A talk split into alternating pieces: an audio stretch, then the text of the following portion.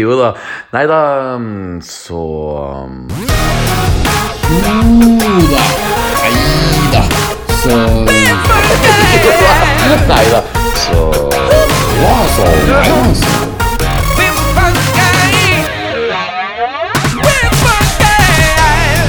Jo da. Nei da, så Jo da. Nei da. Oh yes! Holy macaroni! Jesus Christus, som de sa i The Julekalender.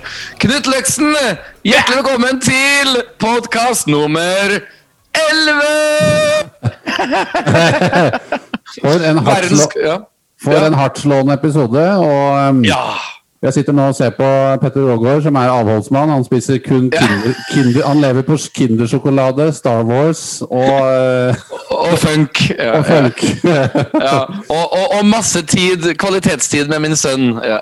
Og det, som, det som er bra med det, er at man har jo aldri noe hangover av dette, Nei. av Star Wars. Man får bare god energi. Det er, så Ja. til alle dere som eh, drikker mye der ute, det er ikke nødvendig. Man trenger bare funk, Star Wars, kinder, firkløver, cola. ja. Pe Pepsi Max. Ja. Pepsi Max. Ja, du, drikker, du er sånn som drikker to liter Pepsi Max eh, for å kompensere for alle andre s- søtsug.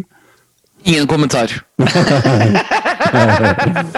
du, det her ble tidenes rareste intro. Jeg må jo starte å si mitt navn er Petter, ditt navn er Knut, datoen er 8. desember. Fuck it, vi driter i introen! Boba Fett, Boba Fett, Boba Fett. Du, for en episode, for en fest, for en fryd, for en Ja. glede. Ja. Herregud. Altså, For ø, ø, gammen. Og ikke glemme ordet gammen. Nei, hvor kommer det fra? Gammen? Jeg måtte google det, for folk sier jo 'fryd og gammen'. Og vet du hva gammen betyr? Det betyr uh, fryd. Ja, Det betyr det samme som fryd. Yes! Du, Yes! sier egentlig fryd og fryd, altså. Exactly! I had to google that shit. Yeah. Jeg husker vi, jeg måtte google 'grisgrendte strøk'. Det er også et ord som er veldig Oi. mye brukt. Eller ikke mye brukt, Ja. det er i hvert fall en del brukt. Og, men det er jo ingen som egentlig vet hva det betyr. Eh, og det, det, er, det er noe med grisgrendte strøk Altså, det har en, det har en eh, det, har, det, er, altså det har en betydning som oppsto til langt tilbake i tid eh, blant eh, Wow. bønder og sånn, tror jeg. Det var liksom, eller liksom Ja. gamle Landsby-Norge og sånne, sånne type ting. da. Husk, Ja. husker, husker ikke hva det betyr, Nei, ja, men, ja, men det, det var en fin link inn til uh, vår episode, for at våre bønder har jo blitt hørt. Fordi min kjære, gode mann Knut Løksen, uh, vi, vi har jo uh, altfor mye å prate om i dag. Jeg må jo bare starte rett og slett og si at det her var min største sånn eh, wow-episode siden eh, den første episoden av sesong to. Altså chapter 9. Ja. Så det her på en måte, altså chapter 14 Jeg trodde det skulle være en sånn filler-episode, for jeg hadde fått med meg info om at den bare skulle vare 30 minutter. Ja. Og jaggu meg tok jeg feil. Og det har aldri vært så deilig å ta feil før. Fordi uh, i vår aller, aller første episode Knut, så snakka jo jeg om at min favorittkarakter har alltid vært Boba Fett. Og når vi da så episode 9, så var det jo sånn halvveis 100% bekrefta Halvveis 100 bekrefta, ok, altså 50% bekrefta at det var Boba Fett. Vi så det på den siste scenen, men det, det ble aldri sagt navnet. Det kunne Nei. ha vært en dårlig klone, men i episode 14, altså chapter 14, så Ja. ble navnet Boba endelig brukt. Og da fikk jeg rett og slett frysninger. Det var, en, eh, det var tre vodka Red Bull-shots altså, nedi magen. Ja. Med pur glede. Og jaggu meg, så skuespilleren levert. Det der var jo rett og slett uh, imponerende. Eller hva sier du?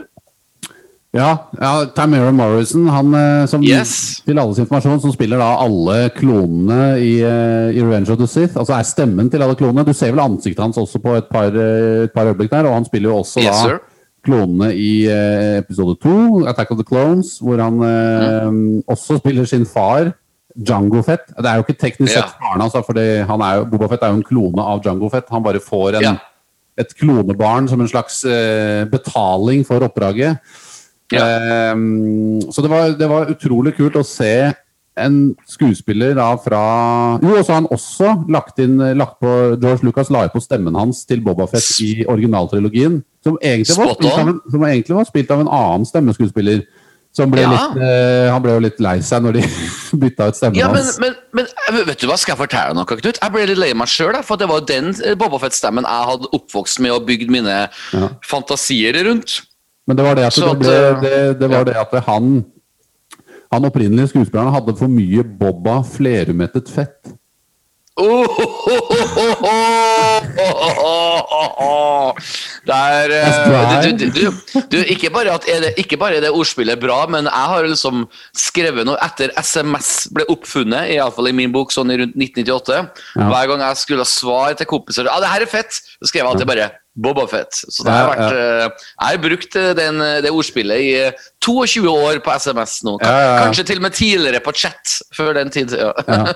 Men, men eh, den eh, scenen, eller den opp, eh, hva skal jeg si, eh, performancen da, til- Tamara Morrison, den er veldig kul å snakke om, fordi at han, ja. han eh, opptrer jo nå som en, på en måte en Bobafett som er litt, litt mer veteran, litt mer seasoned. Altså han har opplevd noen eh, harde år nå etter at han har vært eh, en slags nomade i eh, fem år da, siden han falt i måten Dare I say it, han er litt mer fettfri. Ja, men, eller jeg syns faktisk han hadde litt mage i den ene. Ja, ja, vet du hva? Jeg, jeg tar det tilbake. Jeg var litt mer fett på Bobafett. Ja, Ja, ja. Det er sånn palmefett eller palmeolje eller hva det er. Spist litt for mye. Nei, men- Definitivt ja. litt mage. Du så jo det når han får på seg The Armor. Ja. Det, det, det var jo, det var jo Blobafett. The blob. The blob. Oh my god, I just invented that joke. Blob of it. Oh, that's funny.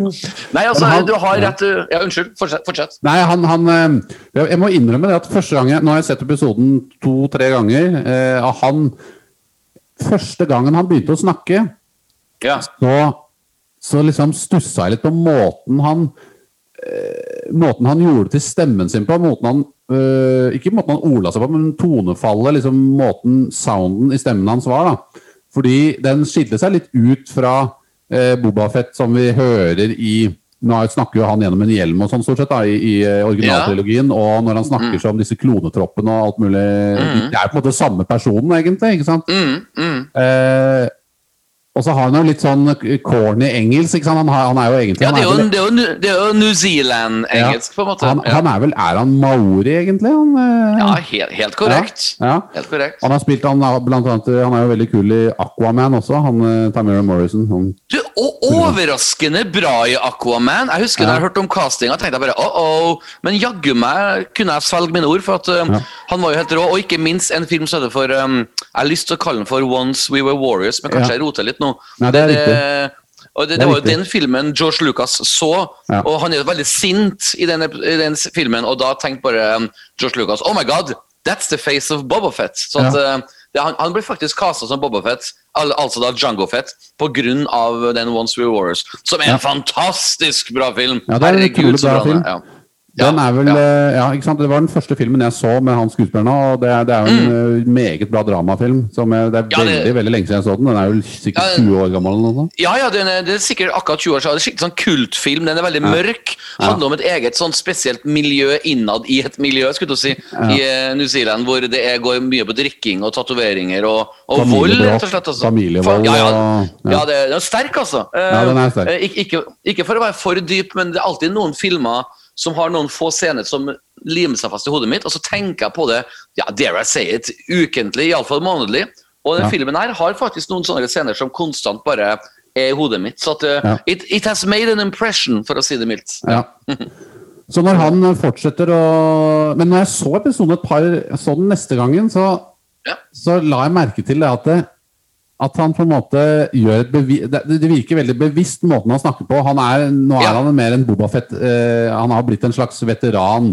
Ikke sant? Han har Mm. blitt eldre, han har blitt mer grizzled og litt mer hardbarka Ja. og hardkokt, sikkert. og så måten han snakker på, er eh, Det virker ganske bevisst. Uh, og det funka Ja. mye bedre for meg andre gangen enn første gangen, uh, faktisk. Eller hvor liksom, det var, for meg så var det litt sånn keitete første gangen jeg så episoden. Liksom, å, det her det er litt sånn hakkete, eller litt corny, Ja. dårlig uttale engelsk.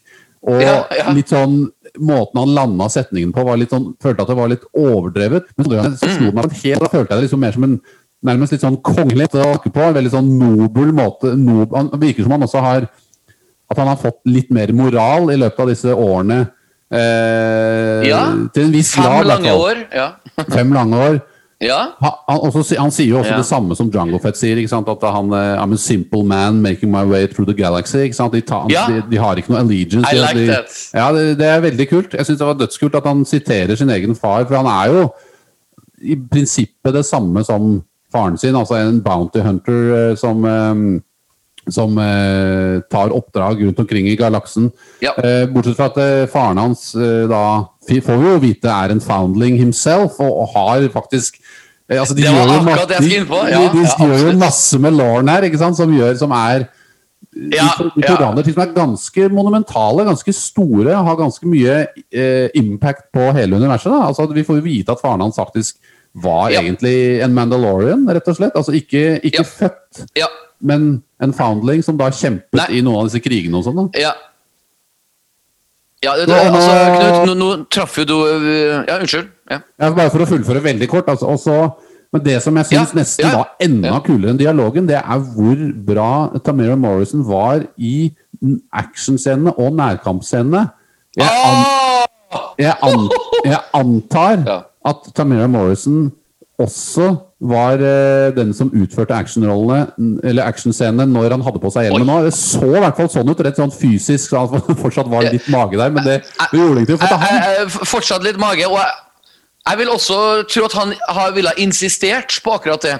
For det her er jo tross alt eh, altså, Let's face it, den skuespilleren Tamara Morrison har ikke hatt eh, enormt mange filmer å skinne i Nei. de siste 20 årene. Så når han først får muligheten til å være Boba Fett, så vil han så klart også gjøre de, å være med på de tre dagene med innspilling hvor hjelmen skal være på. Det, det vil jeg absolutt tro. Jeg iallfall ville gjort det. hvis det hadde vært han. Det er på en måte en slags ære. Eh, selv om vi vet at han som spiller Mando, er absolutt ikke på settet hele tida. Men du, du Knut, altså, jeg, jeg må jo bare starte å si at du traff jo virkelig essensen, eller i alle fall noe av essensen av det jeg gleder meg til å prate om i dag. For er det én ting som konstant har vært nevnt, spesielt de siste ti årene, så er det det at um, på en eller annen canon-måte, altså på en eller annen offisiell måte, så har det kommet fram veldig tydelig de siste ti årene at um, Boba Fett og Jango Fett er ikke Mandalorians, akkurat som du sa. Men så har jo da på en måte Hvordan skal jeg ordlegge meg? De har på en måte klart å pakke det inn på en veldig kreativ måte, det med at Mandalorians er forskjellige De har forskjellige avdelinger, da, om du vil. Så for eksempel den Foundling-avdelingen. ja. Ja, takk. Takk faner er bedre ord. Um, så at det var egentlig en ganske smart måte å ønske Bobba og Django velkommen inn igjen i Mandalorian-familien. Fordi Ja. at uh, vi har alltid trodd Jeg har alltid trodd nei, bare, Django bare stjal that armor, for det har alltid blitt fortalt gjennom både bøker og, tegne, eh, og comic books. Men jeg likte at de fikk dem litt inn i varmen igjen, fordi at um, er, er det noe som um, den TV-serien her er flink til, så er det akkurat, akkurat det her. Å redde slike situasjoner om forskjellige karakterer. Litt, litt, litt, litt sånn alle som jeg alltid si med Rogue One. De, I Rogue One så klarte de på en måte å forklare hvorfor The Death Star hadde en svakhet.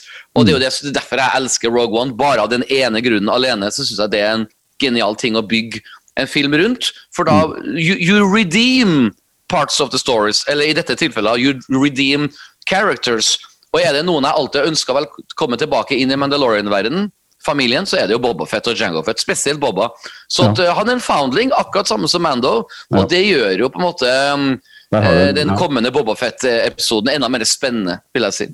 Ja. ja, du tenker på episoden som kommer i, i Mandalorian, eller tenker på den egne serien til Boba Fett, som vi nå Eh, vet ganske sikkert kommer? Eller begge deler?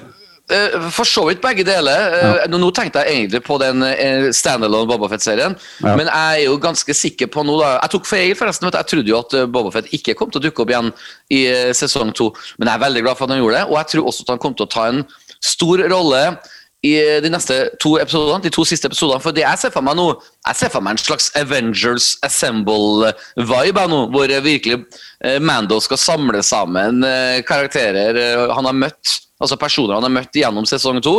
Til og med Bill Burr, skuespilleren som var med i sesong én, samler dem til et superteam.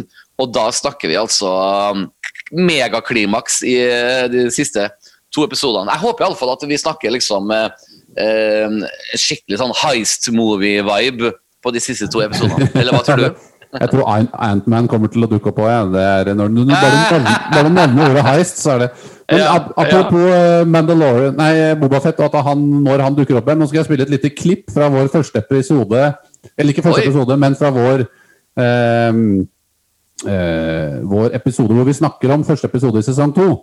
Eh, altså, hvor vi da spår hva som kommer til å skje med Bobafett i, eh, i denne sesongen. Dette er spennende. Nå er jeg spent. Så kommer vi tilbake til det senere. Men det kan, jeg vil nok tenke at det er rart hvis vi venter for lenge med det. Ja, for det var jo en cliffhanger der på siste Ja, ja. fem sekundene. Ja. Og Boba Fett er en så kjent og sentral, eller i hvert fall en veldig kjent karakter, så de kan ikke Ja. bare bringe han inn og så bare kaste han vekk. Han må ha noe å si for plottet. Ja, Eh, for the main plot, på en måte. Ja, det, så bare som en side quest, liksom. Det er også Ja. bare Ja, see you later, alligator, liksom. Det, det, Ja, det blir litt rann, eh, rart. Og så er det det- Var det han vi så i slutten av episode fem, da? Ja. I, i, i sesong én? Det... Ja, der hørte du altså. Petter og Knut som eh, teoretiserer om Blåfett eh, i eh, første episoden eh, i, eh, etter første, Eller i podkasten vår etter Ja. første episode i sesong to. Ja. Eh, det er jo helt riktig som Knut Laksen her sier, at eh, han må ha noe å si for hovedplottet, og det, det får han jo selvfølgelig. Ja. Ja. Ikke direkte selvfølgelig i forhold til eh, Han er jo ikke involvert i noe i forhold til Imperiet. Han vet jo ikke engang at Imperiet er tilbake, som vi får høre i slutten av episoden. Hvor han, Mm. Uh, Ja, ja, sant, han, han, har jo ikke, han har jo ikke hjulpet dem med noe å hente inn noe eh, frivillig til denne kloningen, eller gjort noen sånne oppdrag, f.eks. Eller han, han har jo eh, så, Men eh, det er helt tydelig at eh, han er tilbake eh, for å eh, ha en stor del i den historien som kommer til å utspille seg i de neste to episodene. Det, det er som du sier, De kommer til å ha en slags Avengers Assemble-aktig feeling. ja, ja. Jeg håper jo Det- kanskje at uh, Bo-Katan også kommer tilbake, og Asoka. Og eh, ikke bare kommer Bo-Katan tilbake, men hun har sikkert med seg ti flere Mandalorians som Ja. skal hjelpe til på en stor battle, ser jeg for meg. da. Og hun derre jeg tror også kanskje Vi har ikke sett noe til hun armoren, altså hun smeden, hun mandaloriske smeden. Nei.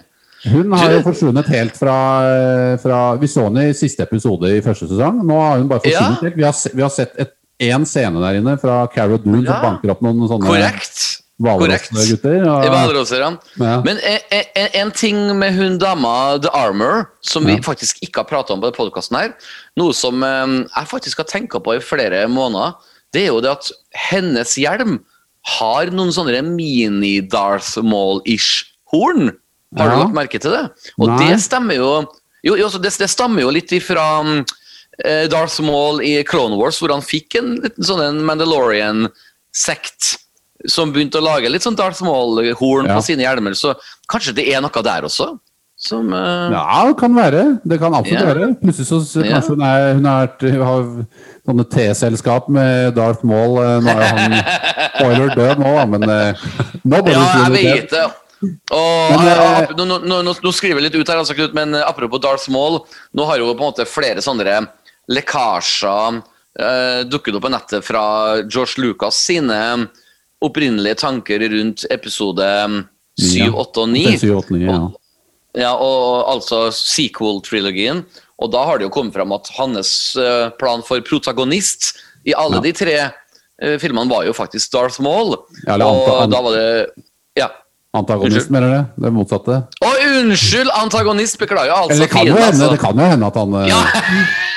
Nei da, protagonisten skulle være veldig bli fokus på prinsesse Leia som The Chosen One. Ja, ja. og antagonisten så klart skulle være eh, Darth Maul. Men, men det, det, det vil jo aldri fungere, for Darth Maul er jo dessverre død. Som vi har snakka om før. Idiotisk å drepe selv om det var en fin scene. Men å, kaste bort en sånn stor død i en animasjonsserie, når, de- når, de- når de kunne spart det til film eller TV-serie, that's beyond me. Det var jeg husker når jeg så den scenen, jeg bare No! Det der ville jeg ikke ha gjort hvis det hadde vært sjefen.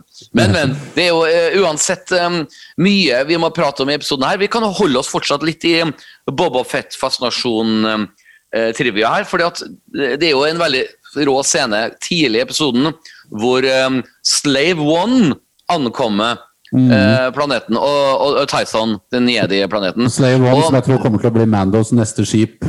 Oh, ingen dum idé. ingen dum idé. Og det som er litt spesielt, da, er at eh, og kanskje det er jeg som nok en gang tenker litt for mye sånn, hva skal jeg si, med min teaterbakgrunn og har tilbringt så mye tid med regissører og hvordan man eh, putter litt mer kjøtt på beina på karakterer, så tenker jeg liksom OK, så Bobafett hadde Slave One eh, i alle disse siste fem årene, for det var jo mm, Sist gang vi så Slave One, var jo når, Ja. rett før han døde, ikke sant, Ja. i, i, i eh, episode seks. Men iallfall, da tenker jeg hvis han har hatt Slave One tilgjengelig, da har han jo lett kunnet få skaffa, tilbake sin armor fra Ja. han sheriffen lett sjøl. Ja. Så det er litt sånn rart at han ikke har gjort det. Så det der er litt et plot hole, føler jeg, da, som jeg mener bør bli forklart. Er, er du ikke enig? Jo, det, det er noen spørsmål der. Eh, det, det, og Ja. Også at han på en måte venter Der har jeg noe å si både til forsvar eh, for, eh, for eh, si, hvordan plottet eh, glir fremover, og angripe det lite grann. Fordi at eh, han, eh, han venter jo nå til episode seks med å Hvorfor venter han helt til episode seks med å komme Ja. og, og, og møte dem der? Ja. Eh, Det, det er liksom litt eh, Hvorfor gjorde han det ikke tidligere? Hvorfor gjorde han det ikke allerede på Tatooine? Var det han som Exakt. sendte de der bounty hunterne etter han, liksom? Fordi han ikke Ja, ville gjøre det selv, eller var det noen andre? Altså, Det er noen, det er noen hull her. Ja, det er noen hull. men, men til forsvar for den For jeg har filosofert litt rundt det. Til forsvar for, for det hva skal jeg si, potensielle plotthullet, er jo det at det, ingen av de andre episodene har det vært veldig beleilig for Bobafett å dukke opp. I episode to så er- Ja, kanskje episode to. eh, men da blir han jo angrepet av noen andre Bounty Hunters i begynnelsen her. Episode tre, ja. fire og fem så er jo på en måte Grogu og Mando på stede med mange andre til stede rundt seg. altså Det er for, det er for crowded på en måte rundt dem. da så dette Ja. her var jo den episoden som hadde den mest beleilige settingen for Bobafett å dukke opp i, for det er bare de to Mm. som er der, i utgangspunktet selvfølgelig, for det skjer jo mer. Men Ja. det, er- det, er en, det er et veldig et sted hvor han hvor han, øh, det, det er- det er logisk da, at han velger å vente til akkurat det stedet de drar til, og slå til Ja. da, og hugge til da. Uh, for at Hvis han har dukket opp for på Trask, hvor det er masse Mon Calamari, for eksempel, Ja. eller ting, så er det veldig klønete. Og det er veldig klønete hvis Ja. han hadde gjort det for i Outer Space, for at da kan det plutselig bli en dogfight, og så stikker han. Han ville jo ikke på måte risikere at han mister den armoren på nytt. Dette her var på en måte det, det safeste, tryggeste stedet å, Ja. å innkassere den prisen, for å si det sånn. da. Så, ja, jeg, jeg eh, tror, du har en bra teori der, altså. akkurat den delen syns jeg, Mm. jeg man kan forsvare på den måten. Men akkurat det du nevner, det med at han har Det som jeg ikke klarer å finne en logikk i, er at han har vært Ja. Mm. på Tatooine i fem år og ikke klart å skaffe tilbake den armoren. Det er ikke sikkert han har visst at han sheriffen har den, selvfølgelig. For at han Mm. eh, men, men jeg, eh, Og han kan heller ikke Han kan jo lette etter den selv om han har det romskipet og ikke har funnet den. Det er det selvfølgelig mulig, men, Ja. men, men eh, det er liksom litt mer far-fetched, på en måte. Så det er, Hmm. Ja, det er litt mer jeg, jeg, jeg forventer jo litt at uh, i den Bobafett-miniserien, og Eller jeg tror nok det er i Hmm. den serien vi får vite hvordan han eventuelt mista Eller hvordan han kom seg ut av Sarlacc-pitten, og Ja. hvordan han ja, mista ja, ja, jeg håper det. Ja. for han har jo kommet Ja. seg ut. For vi får en sånn veldig sånn vag, eh, lett eh, overmalende forklaring eh, i denne episoden. Han sier jo bare at eh, as, as was I, altså he was, she was left for altså han snakker om Fennec, da. She was Yes, left for dead yes. on Tatooine, as was yeah. I. As was I. Uh, Han var ikke akkurat left for Og- dead. Han bare datt nedi der etter at han solo Fett, where?! Og så bare bare Verdens dummeste dødsfall. i- Eller var det ikke dødsfall? Det, Det- ja. Det som jeg tenkte på da forleden dag, var at hvis man ser nøye på episode seks, rett før eh, Han Solo eh, ved uhell slenger nede i Sarlacc Pit, Ja. så ser du at Bobafett har veldig veldig mye fokus på um, Luke, som Ja. er på det andre skipet, vet du, det luftskipet. Skiffer. Og da begynte jeg å tenke sånn Kanskje Bobafett, da, med tanke på sin traumatiske barndom, hvor uh, eh, Samuel L. Jackson halshugga hans far med lasersverd, og hvis han plutselig Bobafett da står der og zoomer inn på Luke Kanskje han får sånn tunnel vision, hvor han bare ser Luke med det og han der skal jeg bedre meg ta, slik at han forgets to watch his back. Ja. Kanskje derfor han eh, blir tatt Så Ja. kanskje han forklarer det eh, i, i Boba Fett spin-off-serien. At det, det som skjedde, var at jeg hadde tunnel vision, og bare så Luke, og da bong, ble jeg truffet i ræva. Og så Liksom. og så prøver du å redeeme den, eh, den scenen på en måte litt. grann, Exactly! For, for at jeg, jeg så tenker på fredag, for at det, det er jo akkurat det som er så vakkert med TV-serier Star Wars, er at man kan redeem fucking everything. Jeg mener, let's face it. Det ser ut som de jobber i, i spreng med å redeeme hele fucking sequel-trilogien. Med, med kloninger og du vet um, Ja. midichlorians og hele pakka. Jeg liker det. det. Det skal selvsagt mye til, men når sant skal sies, hvis man gidder å sette seg ned og se hele Clone Wars-animasjonsserien, alle syv sesongene, så skal jeg love deg at uh, man vil like prequel-trilogien bitte litt bedre. Ja fordi at uh, man får mer uh, dybde på karakterer. Når, having said that, så er jo selvsagt filmen det viktigste, men TV-serie i denne fasongen som Mandalorian er så godt som film for meg. Så at det er ekstra viktig at man redeemer karakterer i live action-TV. Og det er jo egentlig det de holder på med nå. Så jeg tror at Boba Fett kommer til å få tidenes eh, redemption i eh, sin egen spin-off-serie. Så de aldri da begynt å legge noen sånne eh, hint til allerede her i Mandalorian. Og jeg, må jo også si at um, eh, selveste Robert Rodriguez har regien, og jeg må jo også bare si med en gang at han er en av mine favorittregissører. Altså. For han er alltid litt sånn, sånn far left i sin registil, og når han, Boba Fett, knuser Stormtrooper-hjelmene med, med sin slegge der, altså jeg bare Oh my god! Det der er jo ekte Robert Rodriguez-stil. Ja, ja. Eh. Ja. Og det, det- det var for, for øvrig ikke han som var førstevalget. Han sa det i et intervju her forleden at ja. han ble ringt opp liksom eh, in the 11th hour. Så gudene vet hvem som egentlig skulle ha regi på en episode. er sikkert noen store kjente. Jeg håper vi får vite en gang, men uansett. Snakk om et eh, bra andrevalg, da. Robert Rodriguez. Ja, er- jeg jubla når navnet hans kom fram på teksten. Ja, nei, det, det er jo ikke, helt klart ikke tilfeldig. Den, eh, den koblingen mellom eh, Eller den spleisingen mellom at Bobafett Dette er Bobafett sin første ordentlige episode, da. eh, Ja. Og en litt sånn hardbarka, hardkokt actionregissør som Robert Rodriguez er. Han står jo bak filmer som, som Sin City og og så- love it! Terningkast seks-film. Ja. og så har du sett en film som heter Planet Terror? Om jeg har! Jeg så på kino! Du så på kino, ja! ja, ja, ja, ja, ja. Ja, det er bra, Petter. Er- Men den, den Ja, ja. Det er det er, ikke sant, der er jo en av hovedrollene er en, da, en dame med et maskingevær som Ja, det er så- Altså, det er så vakkert. Er Husker så godt så, Sommeren 2007, jeg var på turné med VGs sommershow, og plutselig bare sa jeg til gutta jeg må på kino i kveld for at Robert Rodriguez har kommet med en film. Og Tar Tarantino var jo også med i filmen, hvor han, Ja. han, kroppsdeler av hans bare ramla av og greier. Og Ja, ikke sant? Ja, det- Så Robert det- det- det er Rodriguez. Robert Rodriguez er en veldig hardtslående, gritty regissør. da. Er jo ikke hadde regi på. Ja. ja, ikke sant? Og så var han vel også med, han var vel også involvert i den derre Grindhouse-filmen. den Ja, det, det, det, det er jo det, som er Planet Terror. ja, men den, den andre som Tarantino regisserte. Å, ja, du eh, tenker på Death Proof? Death Proof, ja. ja. Ja, det, det er jo på en måte en Tarantino-film. Ja. ja, ja, altså det, det, det, er en, det er jo en double feature, som Ja. de eh, kaller det for. Ja. Ja, du har helt rett. Det også er jo helt absurd. Er, jeg, jeg likte den, men den og den måten den slutter på, er jo helt absurd. Men, eh, Ah. men tilbake til eh, Robert Rodriguez. Han, han, eh, det, er, det er noen actionscener i den, eh, denne episoden her hvor hans Ja. fingeravtrykk er bare klista utover skjermen. Altså, Mm. bare, bare, for eksempel den scenen hvor du ser eh, Boba Fett eh, Og jeg liker det så godt at Boba Fett ikke Han har kun nærkampvåpen han slåss med.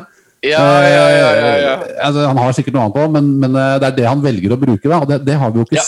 Sett Boba Fett gjøre. Vi har Nei. sett han bare bruke noen gadgets og stå bare se kul ut. Vi har egentlig sett Boba Fett gjøre veldig lite, egentlig. Ja, og det er det Unnskyld at jeg avbryter, jeg skal ikke avbryte deg for lenge, men det er det som er så artig med karakteren Boba Fett. For jeg snubla over en uh, YouTube-debatt her forleden dag hvor det var en ganske oppegående fyr som sa Jeg skjønner ikke fascinasjonen med Boba Fett. Han har aldri gjort en dritt i filmene.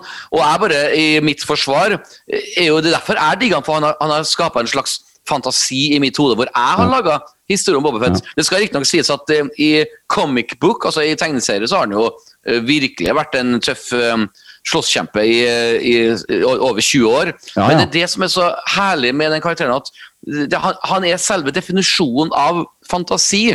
Når jeg skal lage min mancave i, i nær fremtid, så skal jeg selvsagt ha en Bobafett-statue på veggen, for det er han som er på en måte essensen av hva jeg mener er eh, kreativitet og fantasi. For jeg har bygd mine egne historier rundt Bobafett, så det er jo Ja. derfor han er min favorittkarakter. Samme som jeg sa til deg på vår aller første podkast, at jeg digga karakteren Anakin Skywalker før prequel-filmene. For han, ble, han var ikke med i filmene, han ble bare nevnt i noen setninger av Obi-Wan Kenobi, og det var nok til å trigge min fantasi. Jeg er unik, Knut! Petters sandkasse. ja, exactly. Men det er det som er altså, Jeg kan gå, dra enda lenger og gå tilbake når vi hadde GI Joe-leketøy. Du vet Action Force. Ja. Så det det en ninja som het Storm Shadow. Jeg visste ingenting om karakteren, men bare det blikket ga den ninjaen med en hvit ninjadrakt og noen kule sverd og noe kule rødt på. Det var nok det til å lage historie av hodet mitt til det uendelige. Og det er jo det Star Wars er, på en måte eh, det, det, det var det som var visjonen til George Lucas da, til å starte med. Så når eh, Boba Fett ble skapt, så var jo eh, alle sammen følte jo egentlig det samme som meg, vil jeg si. Han ble jo en mystisk karakter. Så det at han aldri fikk gjøre action før, det, det, det er feil å klage på det. Det er bare en bra ting, for da må vi Ja. lage fantasien sjøl. Men nå, som sagt, så har han jo dere gaffistikk, som Ja. jeg elsker. Så det, det er jo sånn, eh, sånn et redskap som man bruker for å rense banta-tenner. Ja, det er det. ja, ja, ja. så, Men det er en, Det tannbør faktisk det er en tannbørste, en veldig stor tannbørste. det, det er et stor tannbørste til banta som Sand People bruker. Men Bobba bruker uh, som sagt, å knuse hjelmer, og, og det er så herlig. For det ser ut som verdens kuleste slagvåpen. Litt sånn New Zealand-ish uh, Litt maorisk over det. urbefolkning-våpen. Ja, Ja, de- de utnytter jo litt sånn- de- de- de- Elsker. De utnytter litt som Tamara Morrison litt tilstedeværelse og litt sin uh, hva skal jeg si, etniske opprinnelse. Han, han ser jo veldig hardbarka ut, hele fyren. Og han har den der maoriske preget over seg. Og han, han, han, eh, Ja. han, han er som en sånn en, slik, en slags sand people på steroids, på en måte. Som, eh, Yes! yes. Men, men måten, han, måten eh, Robert Rodriguez filmer ikke sant, den der gaffy-sticken Ja. på, er så tøft. Ikke sant? Han begynner, han Ja. Kamera bare følger liksom, enden av den gaffy-stikken eh, helt i begynnelsen av der. Det er datt... Nei, du er der, ja. Eh, og da Altså, panne, altså følge kameraet med den gaffy-stikken eh, eh, mens den på en måte fullfører et slag mot en stormtrooper. da. Og Måten han begynner den scenen på Det har vi nesten, nesten ikke sett i Mandalorian. Den type ganske brutal Nei. filming. Du, velger, altså du kan jo sammenligne med en sånn Morningstar, en sånn slegge? Med, med sånne tagger på tuppen. ikke sant? Det er litt sånn type Ja. nærkamps-melee-våpen. Og du liksom kamera Når du får kamera eh, zoomer inn og fokuserer på akkurat det objektet, så får du en veldig sånn en litt sånn gruende litt sånn følelse i kroppen. Åh, nå kommer dette her til å drønne Ja. inn i et eller annet tryne. Det, det gir deg en sånn sånn ekstra Ja, ja. eh, si, adrenalin før, før scenen ordentlig inntreffer. da, I motsetning til hvis du bare hadde sett han bare slo, slo han ned. på en måte. Eh, og Det er sånne type valg Robert eh, Ja. Rodriguez gjør, som, som, som, Ja. som gjør denne her episoden får en litt annen identitet, eller får et annet særpreg enn mange av de andre episodene Ja. som vi ikke har sett. Vi har sett veldig kul action og ganske brutal, men jeg vil si at han skrudde brutaliteten opp et lite hakk til. For han, virker, han smadrer jo hjelmene, så det snør jo sånn Stormtrooper-plast rundt omkring i den der, Ja, så nydelig. ja, altså. fjellknausen der. Så det er det, og det Ja, altså, altså, og, og måten han Tamara Morrison beveger seg på, måten han fremstår på, måten han fullfører Ja. bevegelsen på, det imponerte meg enda mer nesten enn dialogen han Det er måten han liksom fullfører slagene på, og måten han står på, som var eh, veldig tøft gjort. La meg.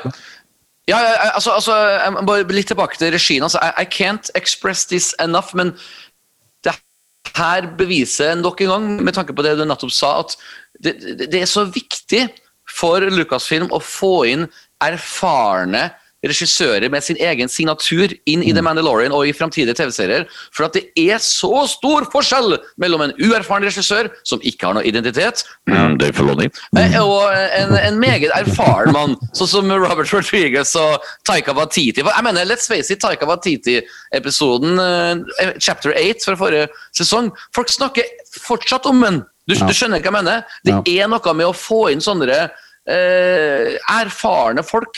Det Ja. er så viktig. Få på dem hawaiiskjorta si og styr hele settet for en uke eller to. Altså det, det er, det, det, personlighet ligger veldig mye i regissører. Og, og jeg, som sagt, jeg vet ikke hvem som egentlig skulle regissere episoden her, men Robert Rodriguez virkelig satt sin signatur på han til eh, det bedre. Jeg, jeg, jeg, tviler på at eh, om det så hadde vært Steven Spielberg som hadde regi, skulle egentlig ha regi på episoden her, så tror jeg ikke den kom til å blitt bedre.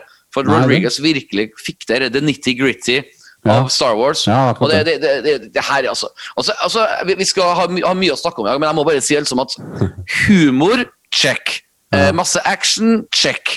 Eh, originalitet, check. Wow-faktor, check. Altså, alle ting som man kan sjekke på en ting man vil se en Star Wars-episode, var med i The Tragedy, altså chapter 14. Det er bare tittelen, check. Altså, til og med Ja. tittelen er bra.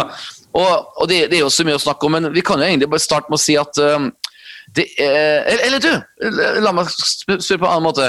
Uh, la du merke til noe negativt, eller var det noe du ikke likte, eller var det noe du syntes var svakt? For, at, for at resten av episoden kommer til å bli så eh, positiv, så bare, vi kan jo egentlig gå dit med en gang. Jeg har nemlig en liten ting, og den er kjempeliten, men du skal få starte hvis du vil. Ja, altså jeg har, jeg har, som vanlig så har jeg noen eh, Jeg sitter jo med lupe og ser på disse episodene, så det er jo Ja, lett, ja, ja. lettere for meg å oppdage småting enn de andre ting jeg ser på. Ja. Men det er, det er noen, det er noen bitte små ting, da. Vi har nevnt dette her med at uh, Bobafett uh, ja, Det tidligere for så vidt ikke denne episoden her, at han har vært på Tatooine. Men i og med at dette er hans første ordentlige episode, Ja. så, så liksom kommer jeg tilbake til med at han har vært på Tatooine i fem år og ennå ikke funnet den rustningen sin. Det er, det er noen liksom, Ja. hull der som er litt, litt, Ja. litt uh, usannsynlige. Iallfall siden han hadde eh, Slave One tilgjengelig. Ja. Da kan han jo bare fly inn i landsbyen og pju, pju, pju, pju, Ja. Ja. Ja. Og så er det småting som at um, At eh, Jeg kan ta det i rekkefølge her. Altså, når, når, Ja. når, Boba Fett, når Boba kommer første gangen Når, når Mando går nedover den eh, Han kommer ned fra eh, Ned fra toppen av fjellet der. Ikke sant? For Han har satt fra seg Baby Yoda, så går han ned, for han ser at skipet til, eh, til Bobafett Boba Fett kommer. Han ser jo det gjennom eh, den infrarøde hjelmen, eh, hjelmfunksjonen. Ja. Ja. Eh, da syns jeg på en måte de, de, de kunne ha For det første så kunne Mando ha beveget seg litt smartere der. Han liksom dasser nedover den der bakketoppen på en litt sånn uhemmelig måte. Se, her er jeg, og så han bare liksom han Her er en lang scene hvor han på en måte i flere sekunder går sånn i full åpenlyst eh, Og alle kan se han. Og så, så begynner Boba Fett å skyte for å liksom Helt tydelig skremmeskudd, not to kill. Han skyter for å liksom gi han oppmerksomhet. Eller jeg vet ikke om det er han som skyter, om det er Fennek, faktisk. Jeg, det er jeg litt usikker Ja. på. Det, det, da- det var det- veldig rar, den skytescenen der. Eh, Ja. Jeg, jeg, jeg, den oppbyggingen oppbygningen der, der, der burde det vært en litt mer episk eh, konfrontasjon mellom Eh. oppbygningen til hvordan de møttes. Der hadde jeg Ja. forventa en litt mer saftig eh, Ja. konfrontasjon, på en måte. I, altså, alt det som skjedde etterpå, dialogen der var kul, og det, vi får vite, er kult. Eh, så, så det syns jeg var litt, litt småtamt. Og så syns jeg Uh, unnskyld, la meg bare få avbryte bitte litt. Uh, jeg, jeg, må bare si at jeg blir ja. glad og imponert over det du sier, for jeg har så klart også notert meg akkurat det samme. Ja. Så at, uh, det er veldig artig at eh, Ja, men altså, vi har jo ikke snakka om det her før sendinga, og det er bare artig for at jeg òg forventa en litt sånn en Litt mer wow. Det, det, er jo egentlig det samme som jeg klaga med på Asuka Tano i forrige episode òg. Den derre Eh, eh, entreen, eller reveal om du vil, den var så godt som ikke-eksisterende. Ja. Eh, riktignok bedre på Asoka Tano, egentlig, når jeg tenker på etter det, men Boba ja. Fett fortjente en litt mer ta-da!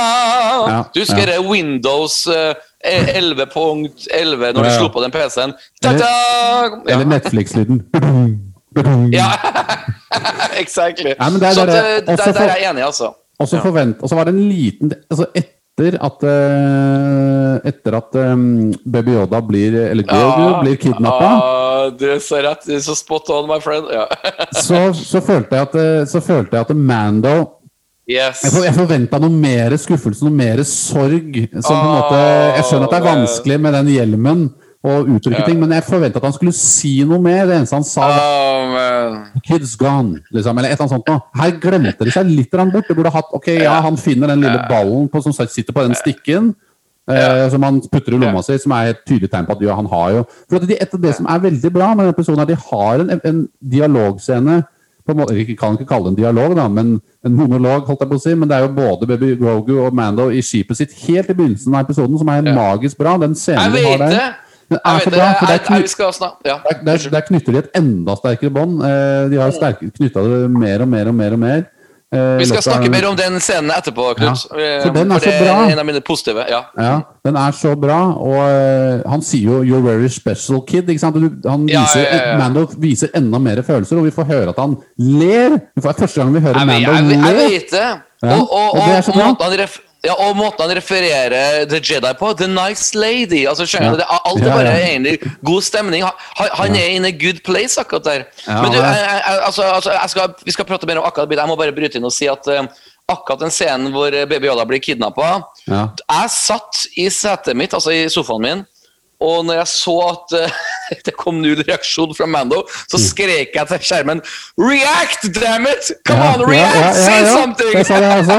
Jeg sa det også. jeg, jeg, jeg reagerte så sterkt på det, for jeg lever meg sånn inn i det her. Jeg er veldig glad for at jeg ser den episoden alene klokka ti på fredagene for å se at, at kiden i barnehagen og sånne ting. For jeg blir så engasjert, og det er, en veldig sånn, det er som å se på fotballkamp for meg. Men jeg heier på altså, La meg si det sånn, når alt er bra, Ja. så sier jeg ingenting. Nei. Det er akkurat som du ser fotballkamp. Hvis man mister ballen, så hei!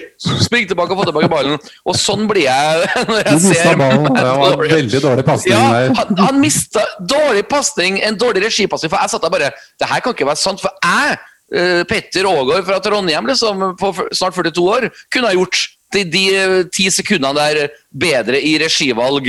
Det er bare å få, få han til å si no! La det gjøre en George Lucas. Ja.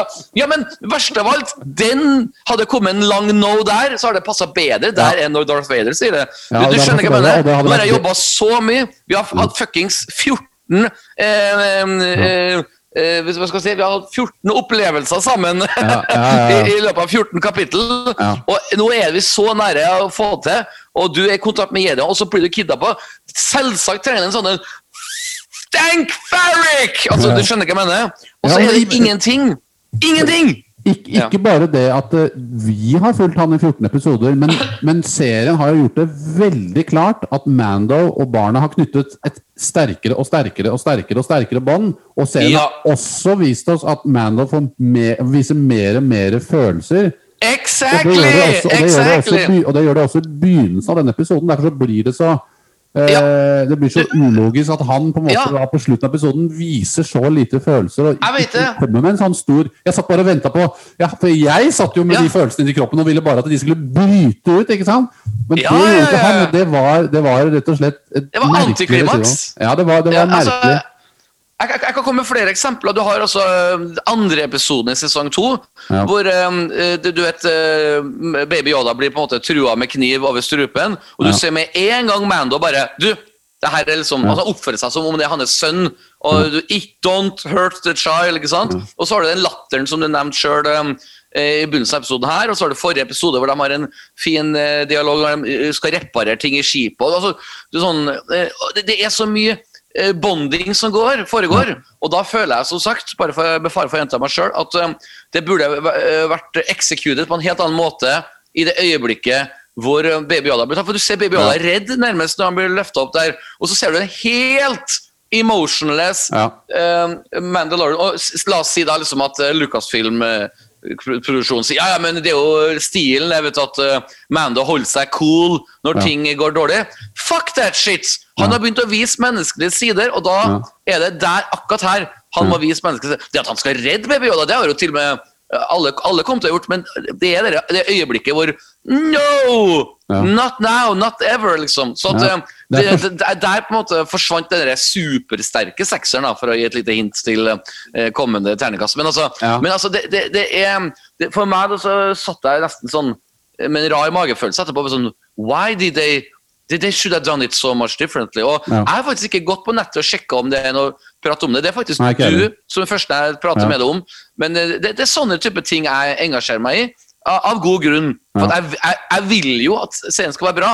Og jeg, jeg vil gå så langt og si at um, hvis, man- hvis man kan viske bort en mann med dongeribukse fra en scene, og så var det tydeligvis et helikopter i episoden her som har blitt viska bort, da kan man faen meg legge på en no også, altså, og stemmen hans til neste uke. Det mener jeg. du kan legge til flere ting. Eh, ja, ja, altså, han, han, kom, han løper jo selvfølgelig så fort han kan oppover der. Han har, hadde han hatt den der rocket-packen sin, så hadde han kommet Ja! opp, men, men den har han, fordi, og den har han jo ikke fordi at Boba Fett ba ham om å legge den vekk. Ja. Det, det, var også en, det var også litt sånn obvious eh, greie. Fordi Jeg vet det! han burde jo sagt at han, hadde lagt fra seg pistolene sine, men vi, vi, Ja. vi sier at han legger fra seg rocket-packen, for da kommer han seg ikke fort nok opp igjen etterpå. Ja. Jeg, jeg, og, og det, der er jo sånn eh, klassisk når jeg gjør barneteater og sånne ting. Og nå sier regissøren nå må vi si tydelig at vi legger den tingen der, for da skjønner vi konsekvensen av det. Det. det ble litt for sånn barne- barneteater, akkurat det der. Um, jeg, jeg ville heller at han skulle ha hatt på seg jetpacken og fløyet opp. Og klart å kjempe mot de fire Dark Troopers som vi skal snakke om senere. Og kanskje klare å drepe to av dem, men ikke klare å klare akkurat ikke rett før de kommer opp i ski. Det Det har vært så mye bedre! Og det har tatt eh, 30 sekunder å lage. Ja. Ikke 30 sekunder. Det har tatt lengre tid å lage, da, men det kunne vært 30 sekunder ekstra lenge da, på serien. Ja. Ja. Uff, Men- jeg blir engasjert her. Ja. Ja, Men det det er mange ting de kunne gjort. De kunne også, altså, selv om han hadde den rocketpacken, så kunne han også på et eller annet vis den kunne, Han kunne ha fått et slag på den, som gjorde at den ikke virka ordentlig. Sånn at han sleit med å komme seg opp. De kunne ha vært, Ja! leng, de kunne ha vært, de kunne ha vært lenger Ja. unna. Altså, det er mange Ja. andre valg du kan ha gjort som, som gjør at den der scenen med Boa Fett for Jeg syns det er ulogisk at Boa Fett sier at, det, at han velger at den, eh, han velger å si at han skal legge bort rocketpacken fremfor å legge fra seg pistolen. Altså, Ja, ja, ja, ja. Ok, du kan godt legge på deg, men du kan godt skyte meg, liksom. Det er greit. Ja. Ja. Nei, at det, det det, her er sånn um, Jeg, jeg kjenner jeg faller blod på tann, så jeg skal prøve å virkelig kutte ned på min um, eh, mine taler nå. Men eh, når man f.eks. ser TV-serien Breaking Bad, som du vet eh, har vunnet alle priser eh, som går an å vinne Aldri et øyeblikk satt jeg og så på Breaking Bad og tenkte mm, her, her var jo teit, jeg burde heller gjort sånn og sånn. sånn Eller nå som jeg og fruen sitter og ser på The Crown, som er en fantastisk serie på Netflix.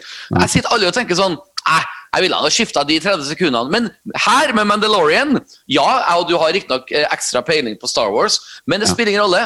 Det, jeg tror vanlige folk har også kommet til å reagere på disse tingene her. For det, det, det er character building som man av og til glemmer. Og det er veldig rart at de ikke får inn en sånn en tredje person når de skal gjøre post-production på hver episode og si ja, men her vil jo folk reagere. For det, det, it's so fucking obvious. Ja. Men, men. Jeg, jeg skal la altså, det det- ligge, men altså, det, her, her er sånn Ja. Ja, unnskyld.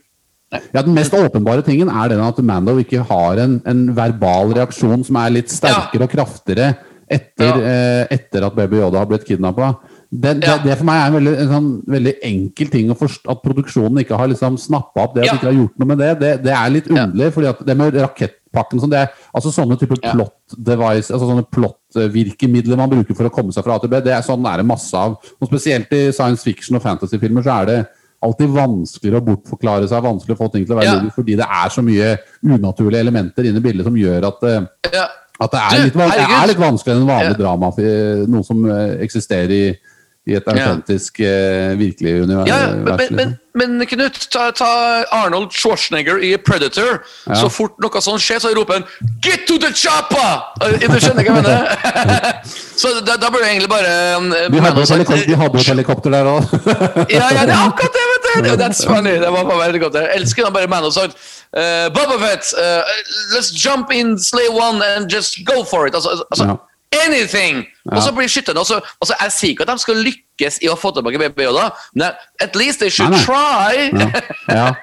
Oh, Eh, men men det, det, det, er, eh, det, er noen sånne små riper i eh, Jeg vil, jeg vil ikke si at det, det, det går ikke noe sånn voldsomt mange karakterer ned for meg, for meg pga. disse tingene her. Det er sånne små nei! Å sånne- nei! Oh, ikke meg heller. Du, du hørte jeg hinta til at det, var en, Ja. det gikk fra en supersterk sekser til noe annet. skrev jeg. Ja, ja. ja, ikke sant? Så det, er, er, det er noen sånne små riper i lakken som Men det er etter min mening litt sånne I hvert fall den ene litt sånne enkle ting som Jeg må Ja. også si det at det, når Mando sant, Når han setter fra seg Grogu på steinen, den Ja. The Seeing Stone så, yeah. så, så skjer det jo ingenting, og så begynner han, så skrur han på seg Skrur han på den der infrared vision, eller predator vision, som jeg liker å kalle det. Ja, ja, ja, ja, ja. For å finne There must be a switch somewhere.